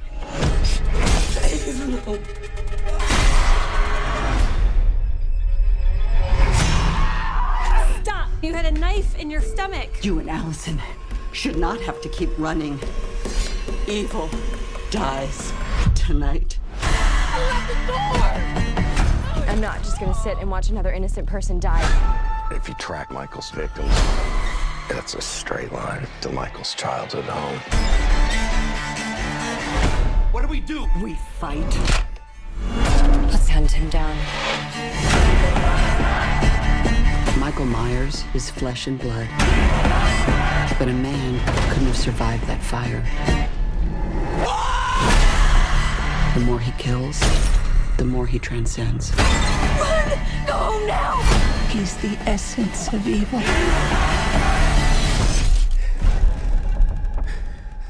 Syns nesten traileren er skumlere enn filmen. Den er egentlig det. Ja. Ja, fordi den, den Ja. Denne får du litt sånn uhyggefølelse av, på en måte, men jeg fikk ikke det av filmen. Nei, jeg prøver å komme på om det var noen noen drapshender som var litt skumlere enn andre. Jeg mener husk at det var et par øyeblikk der jeg, der jeg tenkte at nå er det litt sånn Det er noen sånne snike Ja, litt sånn når du venter på den der jumpscaren, eller vet at nå er han et eller annet sted og lusker, og folk sniker seg rundt, eller Men samtidig så er det kanskje så forutsigbart at det igjen ikke Ja, det er ikke nok til i hvert fall lage den stemninga som jeg føler sånn gode skrekkfilmer har, da. At du liksom har en litt sånn ubehagelig øh, følelse hele tiden, på en måte. Sånn at du Altså at det setter seg en slags sånn stemning, og det følte jeg ikke Jeg følte mer at den 2018 Altså hvis vi skal se på denne Om man skal kalle det sin egen lille franchise, holdt jeg på å si. Jeg hadde litt mer av det. Og litt um, At denne her filmen mangla litt sånn oppbygning, på en måte. Ja, det er jeg enig i. Den er en ganske sånn Jeg tenker jo at Hanne kanskje egentlig burde ha sett den forrige filmen. Eh, For der kommer all oppbygginga til det som skjer nå. Det føles nesten som det her er en lang, eneste lang sluttscene av Ja, enig. Men jeg likte den forrige filmen ganske godt. Det mener jeg husker at du også gjorde. Jeg likte Ingvild. den veldig godt, faktisk. Ja, men jeg følte at den mangla en sånn ordentlig stor sluttscene. Ja, nettopp. Den har jo på en måte en eh, Ja, den har en stor scene til slutt, Mhm. men den er kort og ikke så sånn pompøs og svulstig som jeg vil at det skal være i en sånn gigantisk skrekkfilmserie som det her. Jeg skjønner, ja, fordi denne filmen er jo veldig melodramatisk, eller veldig mye sånn ja, over the top-ting, syns jeg, da. Mm. Men det er eh, Jeg tror jeg var inne på det i stad, at det er ganske mange som dør her. Mm. Og jeg, jeg, jeg, tro- jeg, jeg leste også at den eh, jeg, jeg husker ikke hvor jeg leste, så jeg vet ikke om man kan stole på dem. At denne den filmen her har et høyere sånn kill count enn noen andre i Halloween-serien. Det kan veldig godt hende, og det er jo en del drap, blant annet det vi eh, snakka om, som føles litt som det bare er for å vise at han dreper folk, nesten, som ikke har så mye tilknytning til handlingen, eller til eh, folk man er borti, eller Mm. eh, Han kan ja. gå gjennom et hus og bare drepe noen og gå ut igjen, Mm. liksom. Ja, På andre sida. Og det Altså, jeg føler vi møtte blikket, hverandres blikk i, løpet av noen av de scenene, fordi det er så brutalt, og det føles litt sånn meningsløst, men samtidig så er det liksom noen av de sånne historiene inni historien som er skikkelig fine, eller det er sånn Ja, du får liksom se sånn ja, Ja. parforhold, for eksempel. Ja, altså, er sånn, hvordan, ja. ja. Det, det er veldig sånn effektivt eh, at man blir veldig glad i Det er iallfall et par av disse Ja. parene Ja. som man blir oppriktig kjempeglad i. på 30 sekunder, kanskje. Ja. Fordi det bare Og det, hvis jeg bare kan liksom ta et annet perspektiv på det, da, bare sånn rent eh, historiefortelling, så syns jeg det her er skikkelig bra. Eller hvis det er lov å si. Fordi, Ja, ja, ja, nettopp fordi de si. klarer, de klarer å få oss enga Eller klarte i hvert fall for meg Mm. engasjert i liksom disse små novellesekvensene, holdt jeg på å si. Ja, Ja, det jeg- gjør, oss nesten mer engasjert i disse personene Ja. enn de som faktisk er, er hovedpersonene Ja, her. For jeg synes eh, kanskje historiefortellinga om Michael Myers og Jamie Lee Curtis her kanskje ikke er så Nei, nei, det er nesten ja. litt sånn på sida av alt annet som skjer. Men, og eh, jeg òg fikk en sånn følelse av at det her, det de har gjort her, um, i en del av de uh, mindre snuttene, og ikke minst eh, de scenene som tar plass eller finner sted i en bar. Um, det er halloween i uh, Haddow Field? Haddonfield. Nei, Haddonfield. Uh, og da er det mange som har tradisjon å stikke på en sånn lokal bar som har eksistert der i 40 år, og der kjenner folk hverandre og sånn. At jeg får en sånn Oi, her har de lagd det Amerika vi kjenner fra film. Mm. På en måte. I en sånn eh, essensen. Eh, der sitter disse menneskene på en bar og Ja, halloween, voksne folk, talentshow. Mm. Altså, jeg klarer ikke helt å sette ord på det, men det er sånn Det var noe med litt sånn tidskoloritten, eller det er også Ja, feil. Hva ja. heter det ordet? Ikke liksom scenografi, men den viben man får Ja, av filmen. atmosfæren på en ja, måte, eller- Rett og ja, slett. mm. At de har klart å liksom koke det ned til liksom Dette her er en småby i USA Ja. eh, som er eh, ekstremt liksom merka av noe som skjedde for 40 år siden. Mm, men, men samtidig ikke. Også i den Ja. forrige filmen eh, som, det, det her Alt sammen finner jo sted samme kveld, både den forrige filmen og det Mm, her. mm. Eh, og i den forrige så får man, også, så får man mye mer innblikk i liksom, den uh, yngre generasjonen der, som er på sånn uh, skole... Uh, eller en halloweenfest. Ja, en sånn slags sånn, si halloweenball, eller hva man skal Ja, sånn mm. Og der, er, der driter de litt i det, og, gjør, og de Ja. yngste som går rundt og trick or treater, de også gjør litt narr av hele historien om The Boogeyman. Og liksom, Mm. Så selv om det har satt preg på byen, så får man inntrykk av at det har gått lang tid også. Ja. Men apropos det her, skal vi, skal vi ta plottet kjapt, eller? Ja, vi kan jo kanskje gjøre det, så langt det. ute. Ja.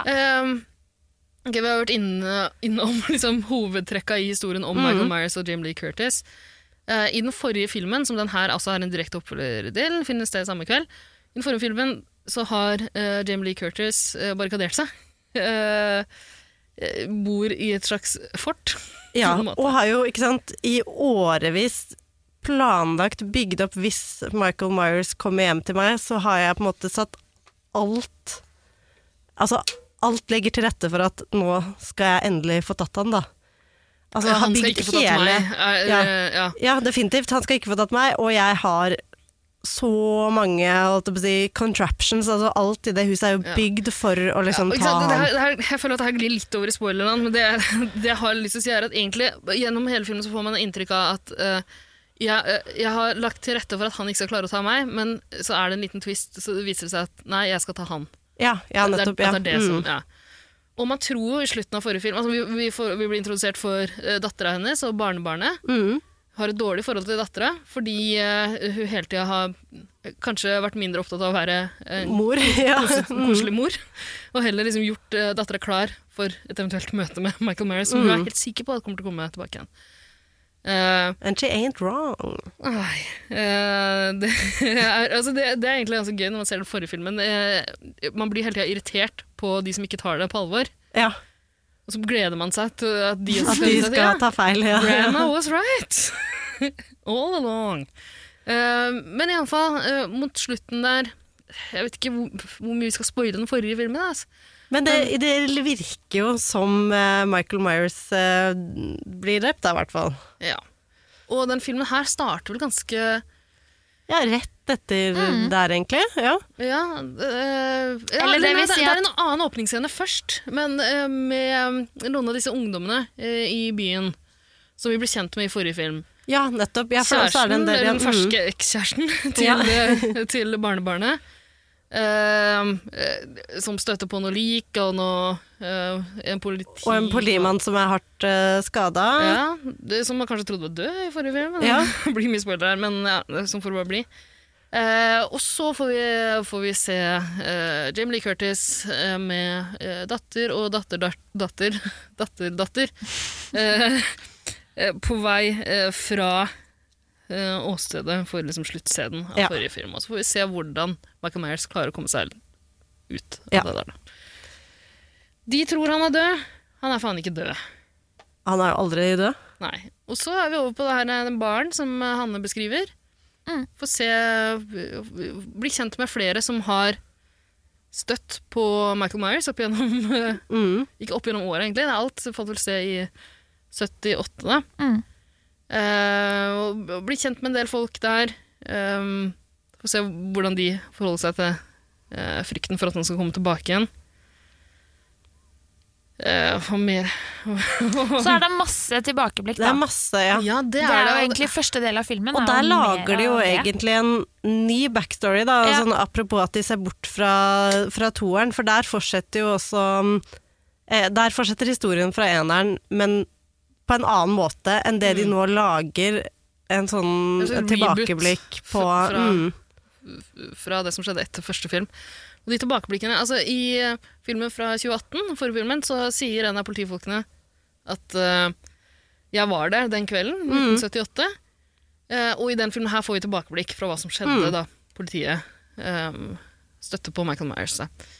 Eh, jeg syns egentlig den funker ganske greit med tilbakeblikkene til 78.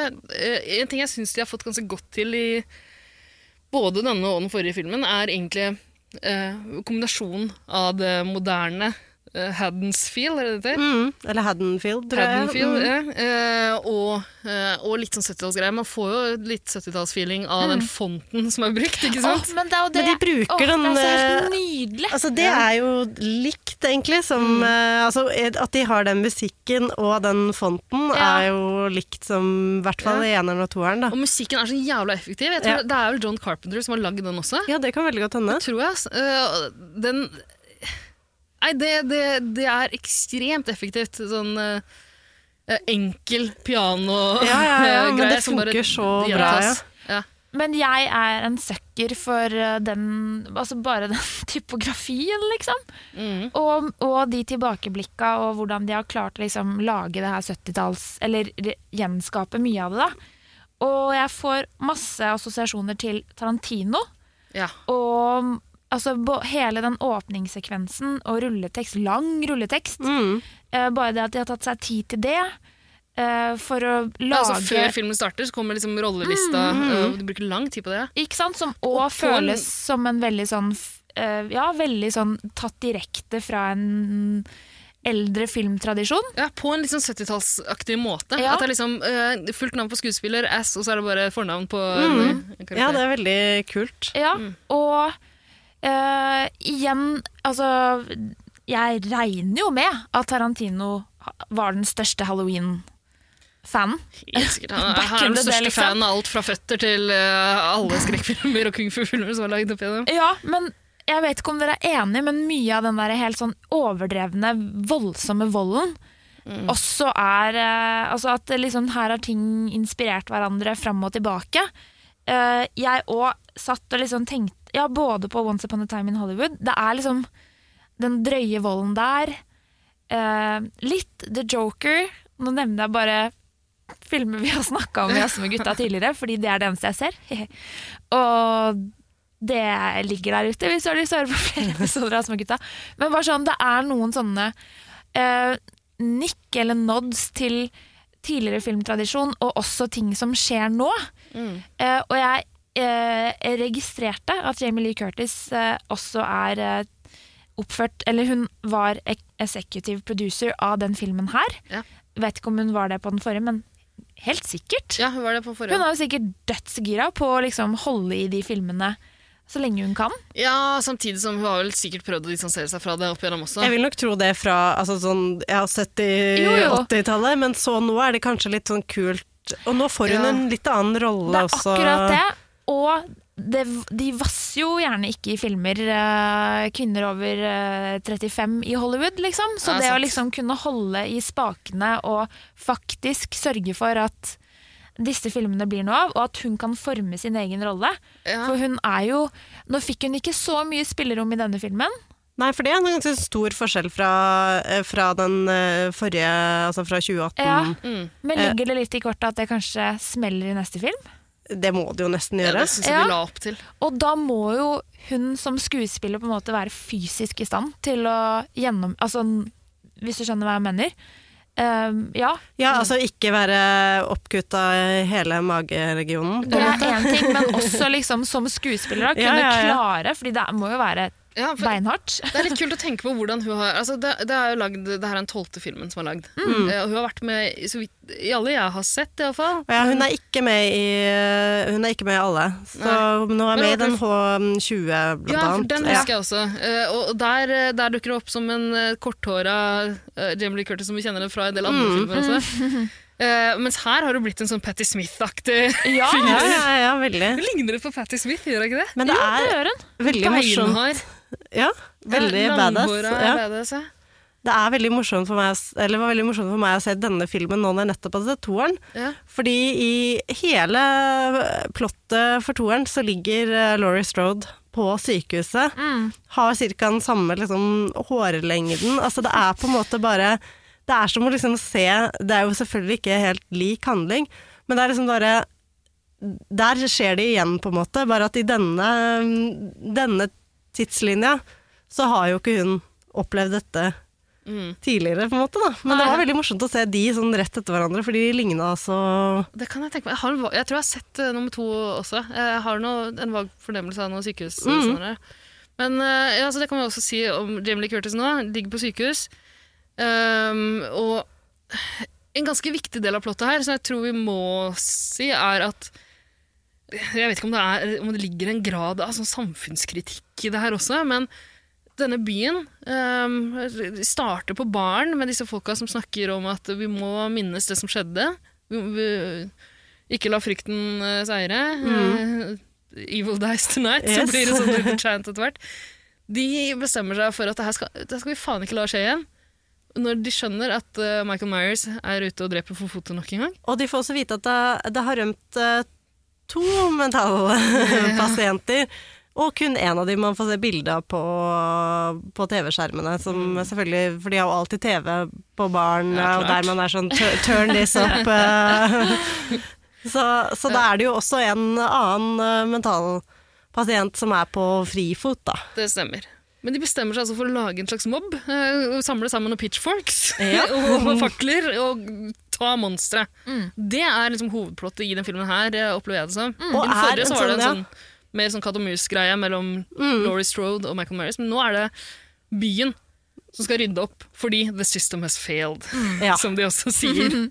Ja, for eh, de prøver litt vel hardt kanskje å komme med liksom, stikk litt her og der til sånn Og så blir det litt over the top, litt sånn nå Altså det, det blir litt sånn at du forventer at folk skal holde liksom taler, stille seg opp på en Mm. Snu en bøtte rundt og stille seg opp på den og holde liksom en tale for folk Altså sånn Ja, også, Det er litt mye av det. Jeg synes også det er litt sånn Det sender litt sånn mixed signals, fordi eh, man, jeg tror det, det oppleves litt som at eh, man skal bli gira opp av den mobben her og heie på de. liksom Evil dies tonight, evil dies tonight, og være med på den greia der. Men så er det veldig sånn og Vi må jo nesten snakke om denne scenen på Ja. også, der denne andre mentalpasienten dukker opp. Uh, og hele byen, uh, veldig mange har samla seg på sykehuset fordi det er så mange døde, så folk lurer på hva som har skjedd med sine nære og kjære. Uh, der jakter de jo på denne andre, for alt du vet, uskyldige.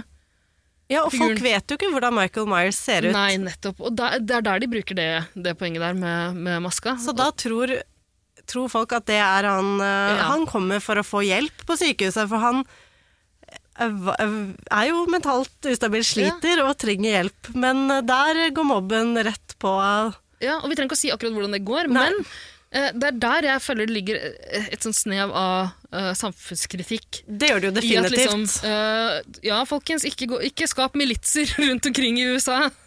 og hør på og gjør som QAnon sier. Ja, det, ja, men ikke sant? Men dette her er kanskje det ekleste i hele filmen, syns jeg. Men òg så frustrerende, fordi hallo, det er et sykehus. Utløs en brannalarm, da. Sett i gang vannsprinklerne, da. Men kanskje Sånn det er er folk- vanskelig akkurat fordi det er et sykehus, eller? Nei!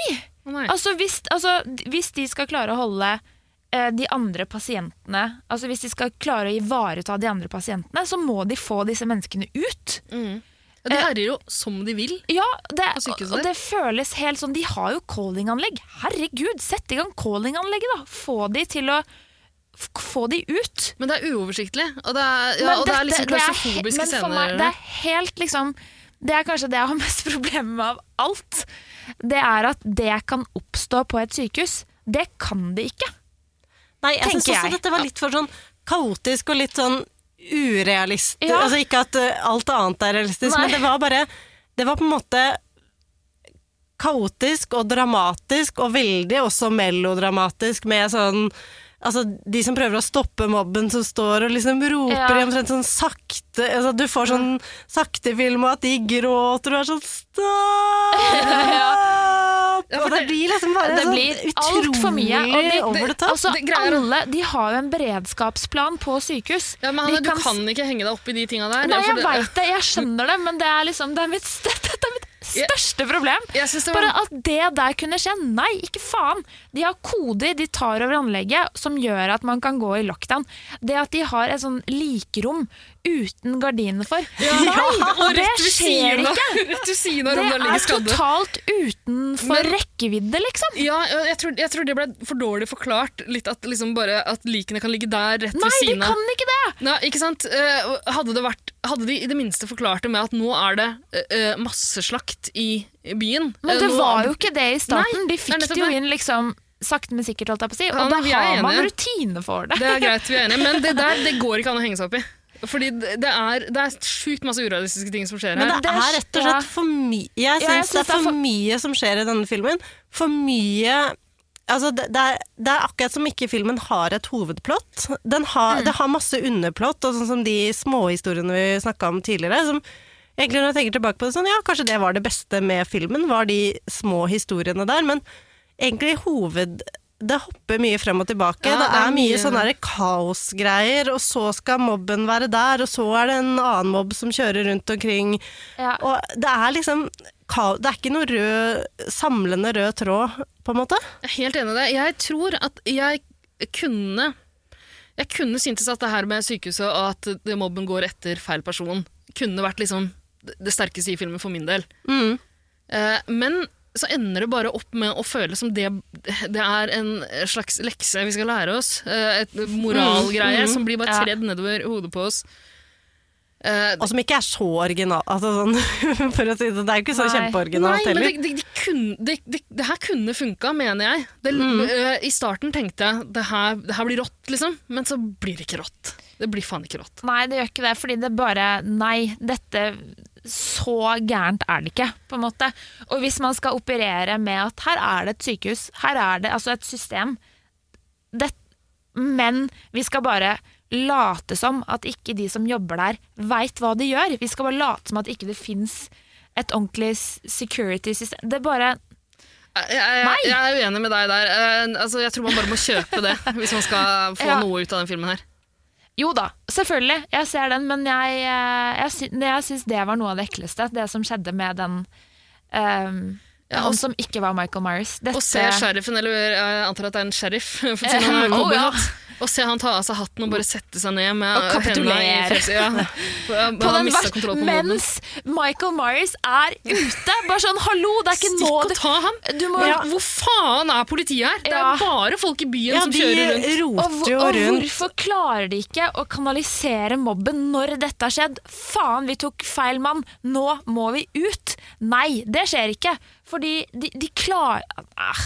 Ja, det er dårlig, det er dårlig Det er dårlig, administrasjon ja, av mobben. Det er utrolig dårlig organisering. Ja, jo- hele den, he, All administrasjonen av mobben er helt vill. De har, de har en slags leder, men han sender noen ut på patrulje der og noen der. Og de du, vet at, du vet at minst halvparten av dem kommer til å bli slakta ned i de Ja, jævla og de henger jo ut og roper 'er det noen som skal bli med?' Alle andre går inn og lukker døra, liksom. Men det er bare virkelig Og de Altså, her er det også en far som tar med seg Altså en far som er overlevende etter Michael. Myers, som tar med seg sønnen sin. Ja.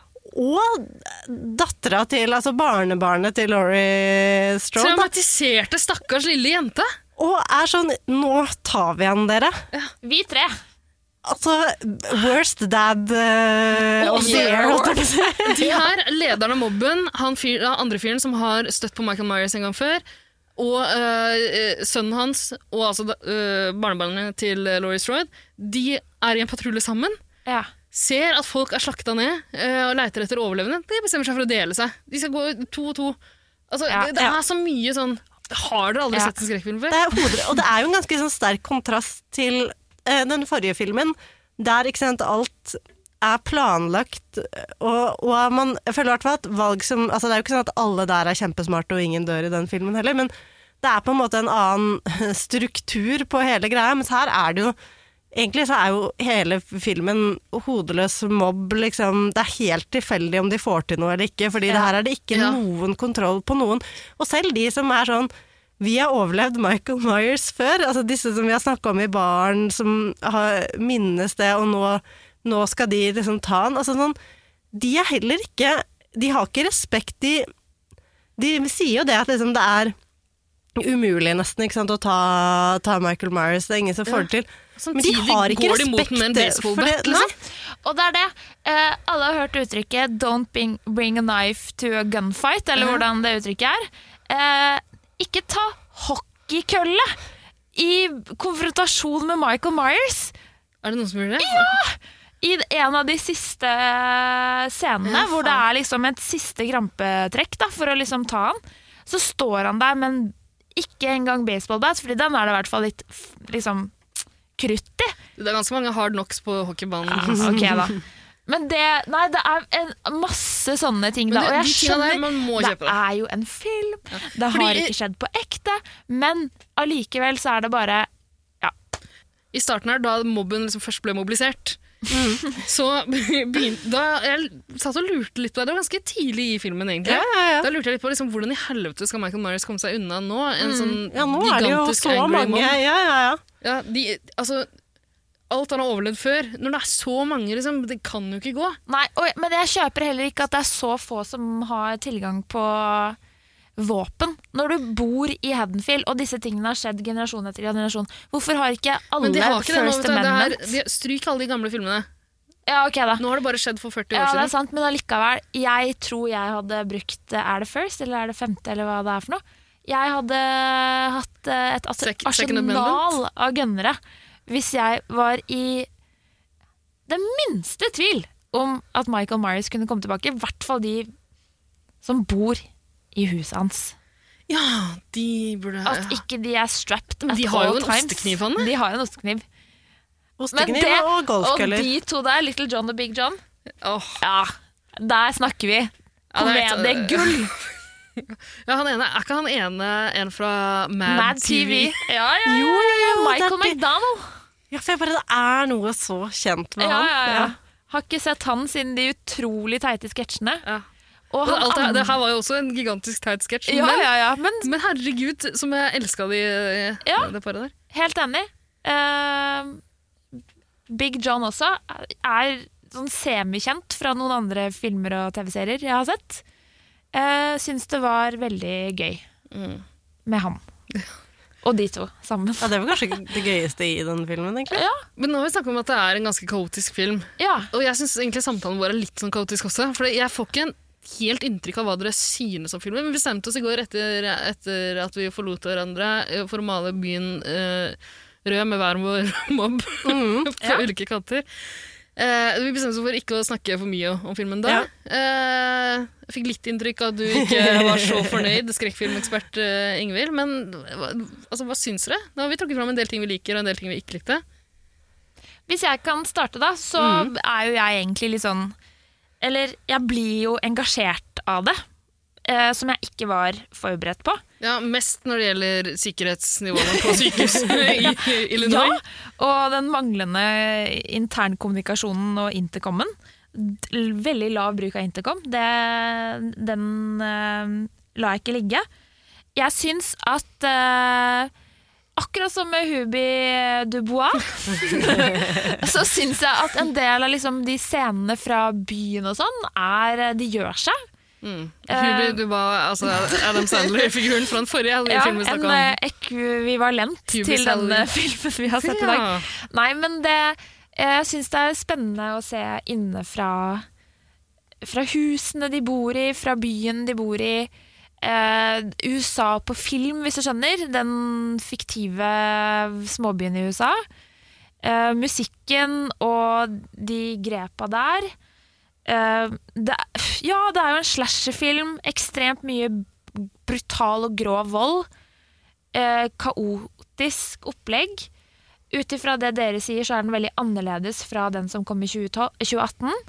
Eh, kanskje det er veldig bevisst. At liksom man lager en sånn Nå er det en triologi. Kanskje det er meninga at den skal være Hvis du skjønner? Du har en katt og mus-film og en litt mer sånn psykologisk greie i den første. Her er det kaos. Hva får vi i tredje film? Mm. Det må jo bygges opp til et, en stor konfrontasjon, men Mm. man skulle egentlig tro at den filmen om mobben var den store konfrontasjonen. Ja, men det ligger noe med Laurie. Gjør det ikke det? Jo, Ja, Laurie det- var som nevnt veldig lite med. Ja, så det, det at hun var så stor- lite med, må jo ja, bety at det blir mer. Ja. Og så kan vi ikke si så mange om hvem som er igjen av overlevende Nei, nå. vi vil ikke røpe for mye. Nei, jeg ble jo litt sånn satt ut nesten av den eh, filmen. Jeg tror det er fordi jeg hadde så Jeg hadde ganske høye forhåpninger, egentlig, eller forventninger til, eh, til den, fordi jeg likte den uh, som kom i 2018 så godt. Uh, men jeg ble veldig skuffa av denne. Jeg syns den var den, jeg syns den var så teit. Altså, det var liksom, ja, men det, jeg tror det er rette ord. At det var så mye sånn Det er greit nok at liksom hele konseptet for at, at skrekkfilmer skal kunne gå, holdt jeg på å si, at de handlingene kan skje, så må jo folk være litt dumme og Ja. splitte opp og gjøre sånne ting som Ikke du er sånn Ikke stairs. gjør det! Ja, Ja. nettopp. Ja. Ikke det- del dere ja. mm. alle de tingene, det, det skjer jo i større og mindre grad i de fleste sånne typer filmer, at de gjør eh, dumme valg og sånn. Men her så syns jeg det bare var noe med den derre ja, at, at folk bare var så utrolig dumme. Og altså, sånn, den der mobben var jo helt ute å kjøre, og det var på en måte altså, hodeløse kyllinger som løp rundt overalt. Så jeg ble liksom så satt ut av det. Og så er jo jeg egentlig en som syns Ja, for eksempel si Tarantino eller annen sånn her overdreven vold Altså, jeg, jeg setter ganske stor pris på det, eller jeg syns jeg liker liksom den sjokkeffekten med det. Ja, men det er personlig, ikke ja, ja, det er personlig. Ja, nei, nei, det er i mitt virkelige liv, ja. Eh, men her syns jeg på en måte det har gjort på en måte som jeg Det var flere ganger jeg reagerte på at jeg ikke syns det, det passa ikke der. Eh, at det var litt sånn lagt på som et sånn slags sånn tillegg som som ble veldig sånn rart, så jeg syns ikke, det- jeg ikke det passa så godt. Eh, og så er det, som vi har snakka om, det, det er egentlig de Det jeg likte med den, var de små historiene, men jeg fikk liksom ikke noe engasjement rundt handlinga, og jeg fikk ikke Altså sånn ja, Laurie ligger på sykehuset der, og så og klipper det liksom frem og tilbake. Vi får se det litt. Eh, De gjenlevende som på en måte har overlevd Michael Myers før, som vi møter i baren, de får vi liksom lite glimt av her og der. Vi får på en måte ikke følge noen sånn gjennom på en måte fra start til slutt. Helt sånn ordentlig. Vi hopper så mye frem og tilbake, så det ble på en måte Ja, jeg vet ikke, jeg bare likte ikke denne filmen, rett og slett. Men apropos det du sa helt til slutt her, at liksom, ja, eh, det, det virker som det er en del løse tråder. Det syns jeg eh, kjennetegner den forrige lite grann også. Eh, jeg også likte den forrige bedre enn den her. Uh, men det, det er en del sånne hva skal jeg kalle det? Sånn red herrings, eller litt sånn Chekhovs gun-øyeblikk. Det er liksom ikke vis en pistol hvis du ikke skal Ja. bruke den. Eh, det er noen det er, ja, det er noen sånne ting du får forventninger til at noe skal skje, som bare ikke helt skjer. Mhm. Og det, det er veldig rart i en sånn skrekkfilmserie som det her, som på mange måter er veldig forutsigbar. Ja, og du, ja, ja, ja. Vil egentlig ha det du forventer. Selv om du kan si at det er kjedelig. Du vil ha det du, det du forventer, Mm. men med noen Med en liten twist, eller ja. Ja. Mm. Og det er for eksempel i den forrige filmen fra 2018, så er det en, en scene helt i starten der man blir fortalt at en person på et mentalsykehus er veldig opptatt av at apropos løse tråder, at du ikke kan ha at du må knytte skolissene dine. Liksom, at du ikke kan, ja. Ja. Eh, og så Mm. skjer det aldri noe mer med det. Og eh, det er et par sånne ting her også. En kniv som liksom veldig tydelig blir plassert et sted, og man tror at det skal Ja. dukke opp. Mm. Og så dukker den kanskje opp, men bare blir ikke brukt til noe. Og det, det, ja, kjenner det legger opp til, ja, Ja, til det- noe som ikke blir fulgt opp i det hele tatt. Det kan du si er små problemer på en måte som du kanskje ikke egentlig trenger å legge merke til, men det kjennetegner på en måte Det er symptomatisk for hele filmen, Ja. syns jeg. Eh, også med tanke på disse historiene som blir løse Det er tråder litt som sånn ikke helt knyttes sammen. utilfredsstillende, på en måte. Ja, for eksempel, igjen skal ikke spoile noe om hvem som overlever, hvem som ikke gjør det, men man får jo, man får jo en viss følelse av at noen av de personene man blir kjent med, kanskje spesielt uh, i barscenen der man hører at noen har Mhm. møtt på Michael Myers før, man får inntrykk av at de skal, uh, om ikke nødvendigvis overleve, men liksom Gjøre en større si, impact, eller ha mer um, eh, ti- Ja, det kanskje holdt på å si, holdt på si scenetid, da, men ja, Ja. mer um, Det er lagt, mm. lagt opp til ting som bare, bare forsvinner uten at det blir brukt på en veldig tilfredsstillende måte. Ja. Jeg har så lyst til å si noe der, men som kanskje er litt spoilete. Uh, så spoiler alert. Si det, og så kan folk heller bare skippe framover litt. Ja. Så- Eh, en av de som har vært i nærkontakt med Michael Myers før, i 1978, er jo uh, Desperate Housewife, holdt jeg på å si. Er uh, Real Housewife of uh, Beverly Hills.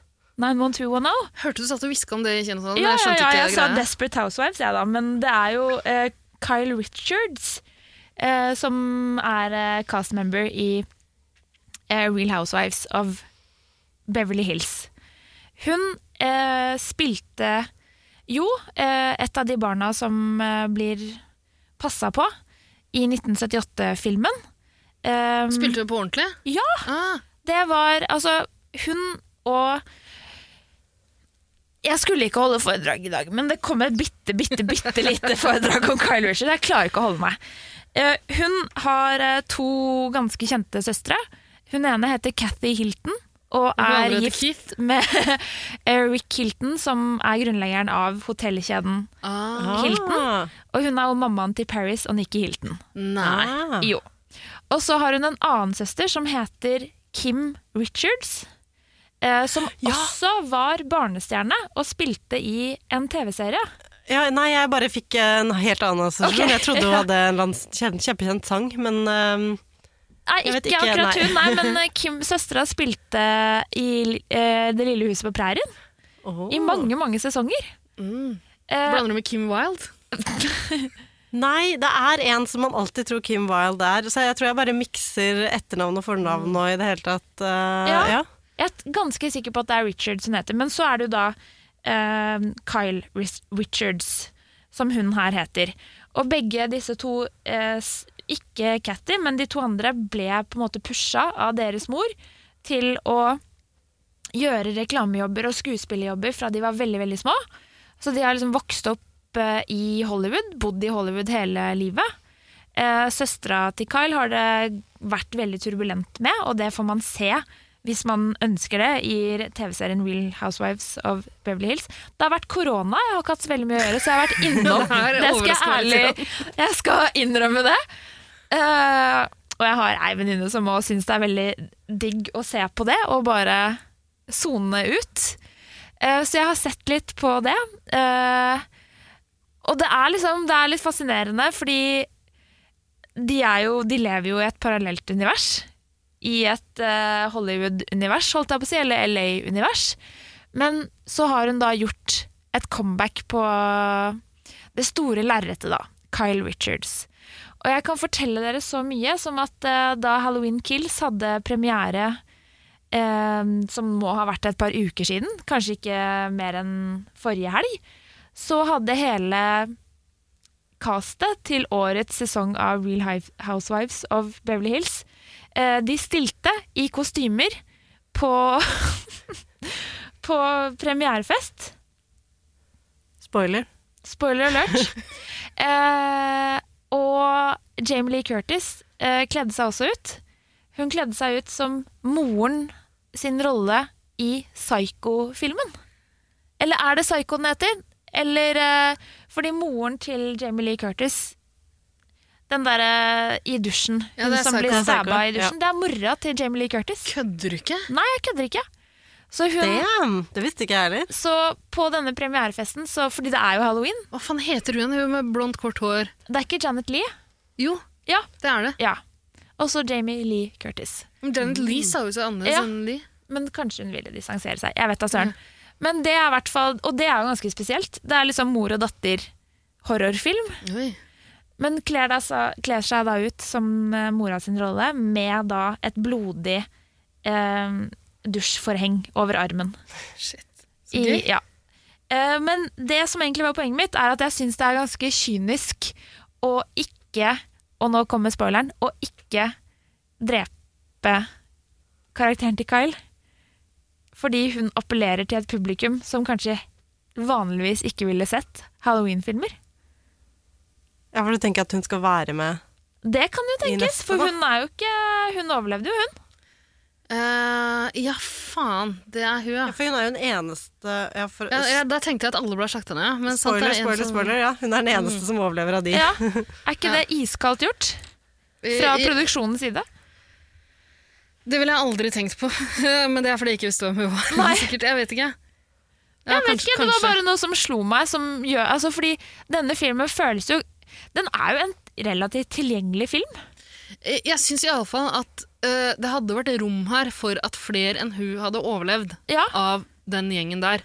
Og Jeg de syns- får litt ja. sånn kjipe endelikter. De bygger det veldig Det opp kan du jaggu si. uten at uh, Altså sånn Ja, de bruker så mye tid på noen vi ikke så, har noen annen tilknytning til. Altså Der bygger de opp både historien og uh, drapsscenene. Men så har vi folk som egentlig det legges opp til, som har en viktig rolle i dette universet, da. Som bare liksom uh, Whip, whip, whip, dør som fluer. Ja. Altså sånn, det, Det- det er utrolig merkelig. Jeg syns kanskje det er litt problematisk at det er så forbanna mange som dør nå. For i, i den første filmen så var det ikke så mange som døde. Altså. I, uh, de sier iallfall at det bare var fem personer han drepte mm. den gangen. Mm.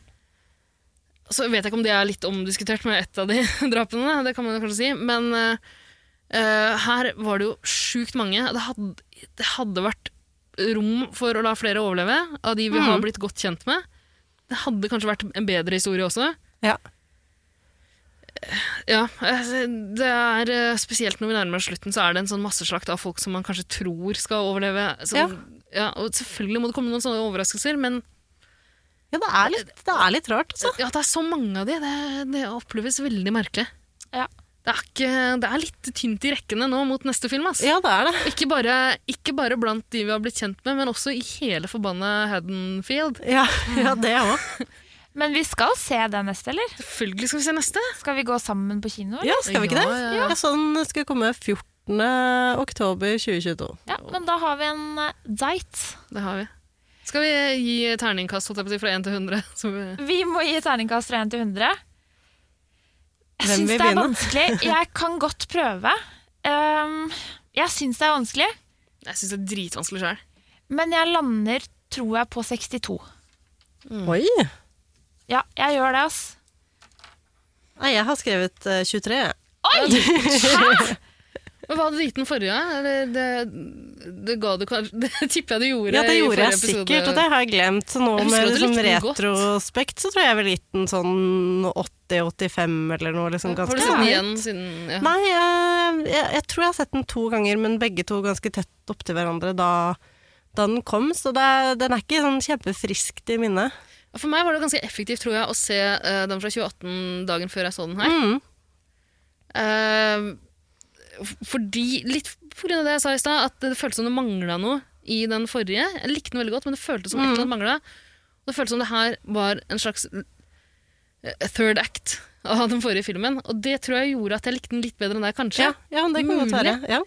Eh, en del ting jeg syns funka. Det, det her, øh, igjen, det blandinga av øh, seint 70-talls øh, innsmett og, og det moderne, syns jeg, jeg Jeg vet ikke, jeg likte, jeg likte bare følelsen av byen og alt det der.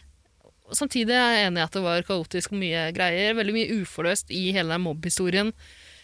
Veldig mye uforløst i hele historien om Michael Myers og eh, hans eh, forhold til Jamie Lee Curtis. Eh, og hele familien hennes. Så der er det en del som trekker ned, men jeg likte den nok mye bedre enn deg, Ingrid. Eh, Hvor lander du? ja, øh, jeg tror jeg skal nærmere 70, altså. Oi! Ja, kanskje Ja, rett under. Eh, 68. Da- Det var ikke så verst. Nei, det er ikke verst. 23. Ja. 62. 68. 68. Jeg pleier å være Arne som er her som kalkulator. eh, Jeg jobber hardt. Uh, Daddido, dildo, dildo, dildo, dildo, dildo, dildo, dildo, dildo, Ok, vi lander på 51. Ja. Jeg, jeg syns det høres greit ut, jeg. Ja, midt på treet. Ja. Og så tror jeg rett og slett at uh, grunnen til at jeg havner der jeg gjør, og du havner der du gjør, Ingvild, er jo forventningene. Ja. Mm. Og Ja. jeg gir egentlig kanskje terningkast på at herregud, dette gikk jo greit.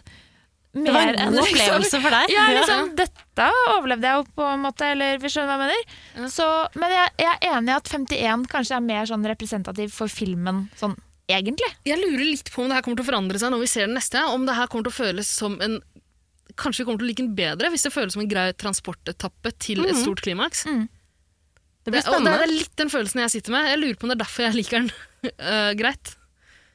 Men altså, da er det jo bare og Vi har jo allerede avtalt, men altså, det er jo ikke noe tvil om at vi skal se Halloween Ends. Eh, det er et år til. Det blir femte året på rad. Eh, inshallah, for å bare si det. Eh, ja. Føler vel vi har vært Jeg tror vi har tømt Halloween Kills-banken nå, jeg. Ja. Preika i godt over en time, Hanne. Ja, det, er, det hadde jeg ikke trodd Nei. da vi gikk på kinoen i går, eller da vi kom inn her i dag. Mhm. Men 51, eh, det høres ikke så dumt ut. Det er omtrent det antallet innbyggere som er igjen i Haddonfield. Ja, det stemmer det. Ja, eh, og med det eh, lukker vi eh, Vi stenger av for mobben. Eh, vi sender ut noen eh, koder på callinganlegget. Vi stenger ned, sånn Kan som du ikke bare vært lukke igjen halloweengodteposen og bli ferdig med det her sykehuset? jeg skal prøve. Um, ja. Ja. ja. Er ikke det greit, da? Jo. Ser du det her, da? Nei, pass på her, da. Det er så stress når ting fester seg i skjegget hele tida. Jeg skjønner ikke den metoo-greia. Altså. Jeg skal bygge en bazooka i garasjen. Jeg er egentlig en ass, men Legoteknikk er ikke bare for jeg kjenner meg igjen i Boondock Saints, ass. Jeg er fra østkanten. Jasse? Med gutta?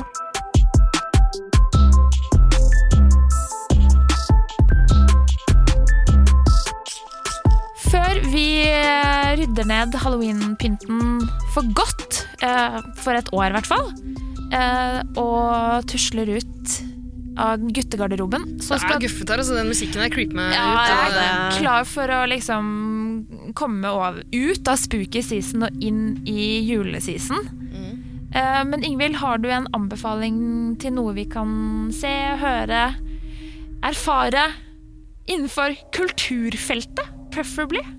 Det har jeg. Yes! Og jeg fortsetter i altså der min ekspertise ligger, og Hadde ikke anbefaler noe forventet noe annet. skrekkrelatert. Og det er en eh, serie som heter Slasher. eh, som Selvfølgelig skal du anbefale en serie som heter Slasher. Eh, som, eh, som navnet jo tilsier, så blir jo folk eh, Slasha? slasha ned for fotet, på å si, eh, i denne serien. Som har tre sesonger på Netflix. Eh, det har blitt laga eh, fire sesonger. Eh, nesten, eller i hvert fall sesong én og to følger eh, Og for så vidt eh, fireren, etter det jeg har lest òg, følger en av oppskriftene jeg liker veldig godt, som er en gruppe mennesker drar til et litt avsidesliggende sted. Kommer seg ikke unna. Kommer seg ikke unna, nei. Elsker det sjøl. Og det er så gøy. Ganske, jeg syns det er bra, bra laga. Em, spennende. Det er vel sånn rundt ti episoder, tror jeg, hver eh, sesong, eh, sånn eh, give or take. Det er litt som American Horror Story, at de samme skuespillerne kommer igjen i de forskjellige sesongene i forskjellige roller, da. Så hvis du ikke har fått nok eh, slashing, så anbefaler jeg å sette på den serien og kose deg. Høres interessant ut. Skal du se den, Hanne? Nei! Nei. Jeg skal ikke det, ass. Ja, du har vel noen sesonger av Real Housewives å play Å, herregud, den siste sesongen anbefales. Ja, syns det for så vidt høres ganske skummelt ut også. Ja, det er uh, scary, scary stuff. Nei, men Takk for anbefalingen. Jo, bare hyggelig. Og med det så runder vi av i dag.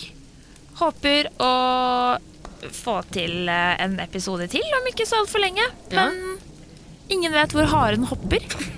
Så eh, Men vi satser på det. Arne uh, kommer seg løs når han skal transport transporteres fra et mentalsykehus Ja. til et annet. Det klarer du, vet du, Arne. Ja, vi har, ja. tro på deg. Ja. Ja, lille venn. Det går bra. um, vi andre skal transportere oss selv hjem. Mm. Ja. Men det var veldig gøy å jazze. Det det var godt å få jazza litt Ja, det var veldig godt å få jazza. Ja. Takk for nå, da. Takk for nå. På gjenhør. Å, så kleint. Ja. ja. Det er ikke lett å slutte av. Nei, det er ikke det.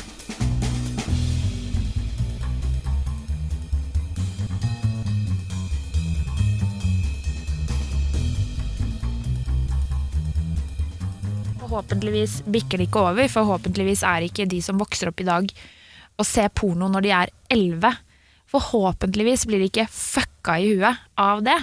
Jeg, jeg syns jeg ser tendenser til det allerede. Blant alle Ja. de jeg har sex med som er I den alderen, Stopp. ja. stopp en hal, stopp en hal. Allerede i 11-12-årsalderen, så jeg trenger ikke lære dem noe som helst. Det, det Men de kjekt. prøver å lære deg, fordi du, var, du så ikke porno når du var 11, så du har ikke lært deg hvordan man kømmer. Ja. For det må man lære via porr. Mhm.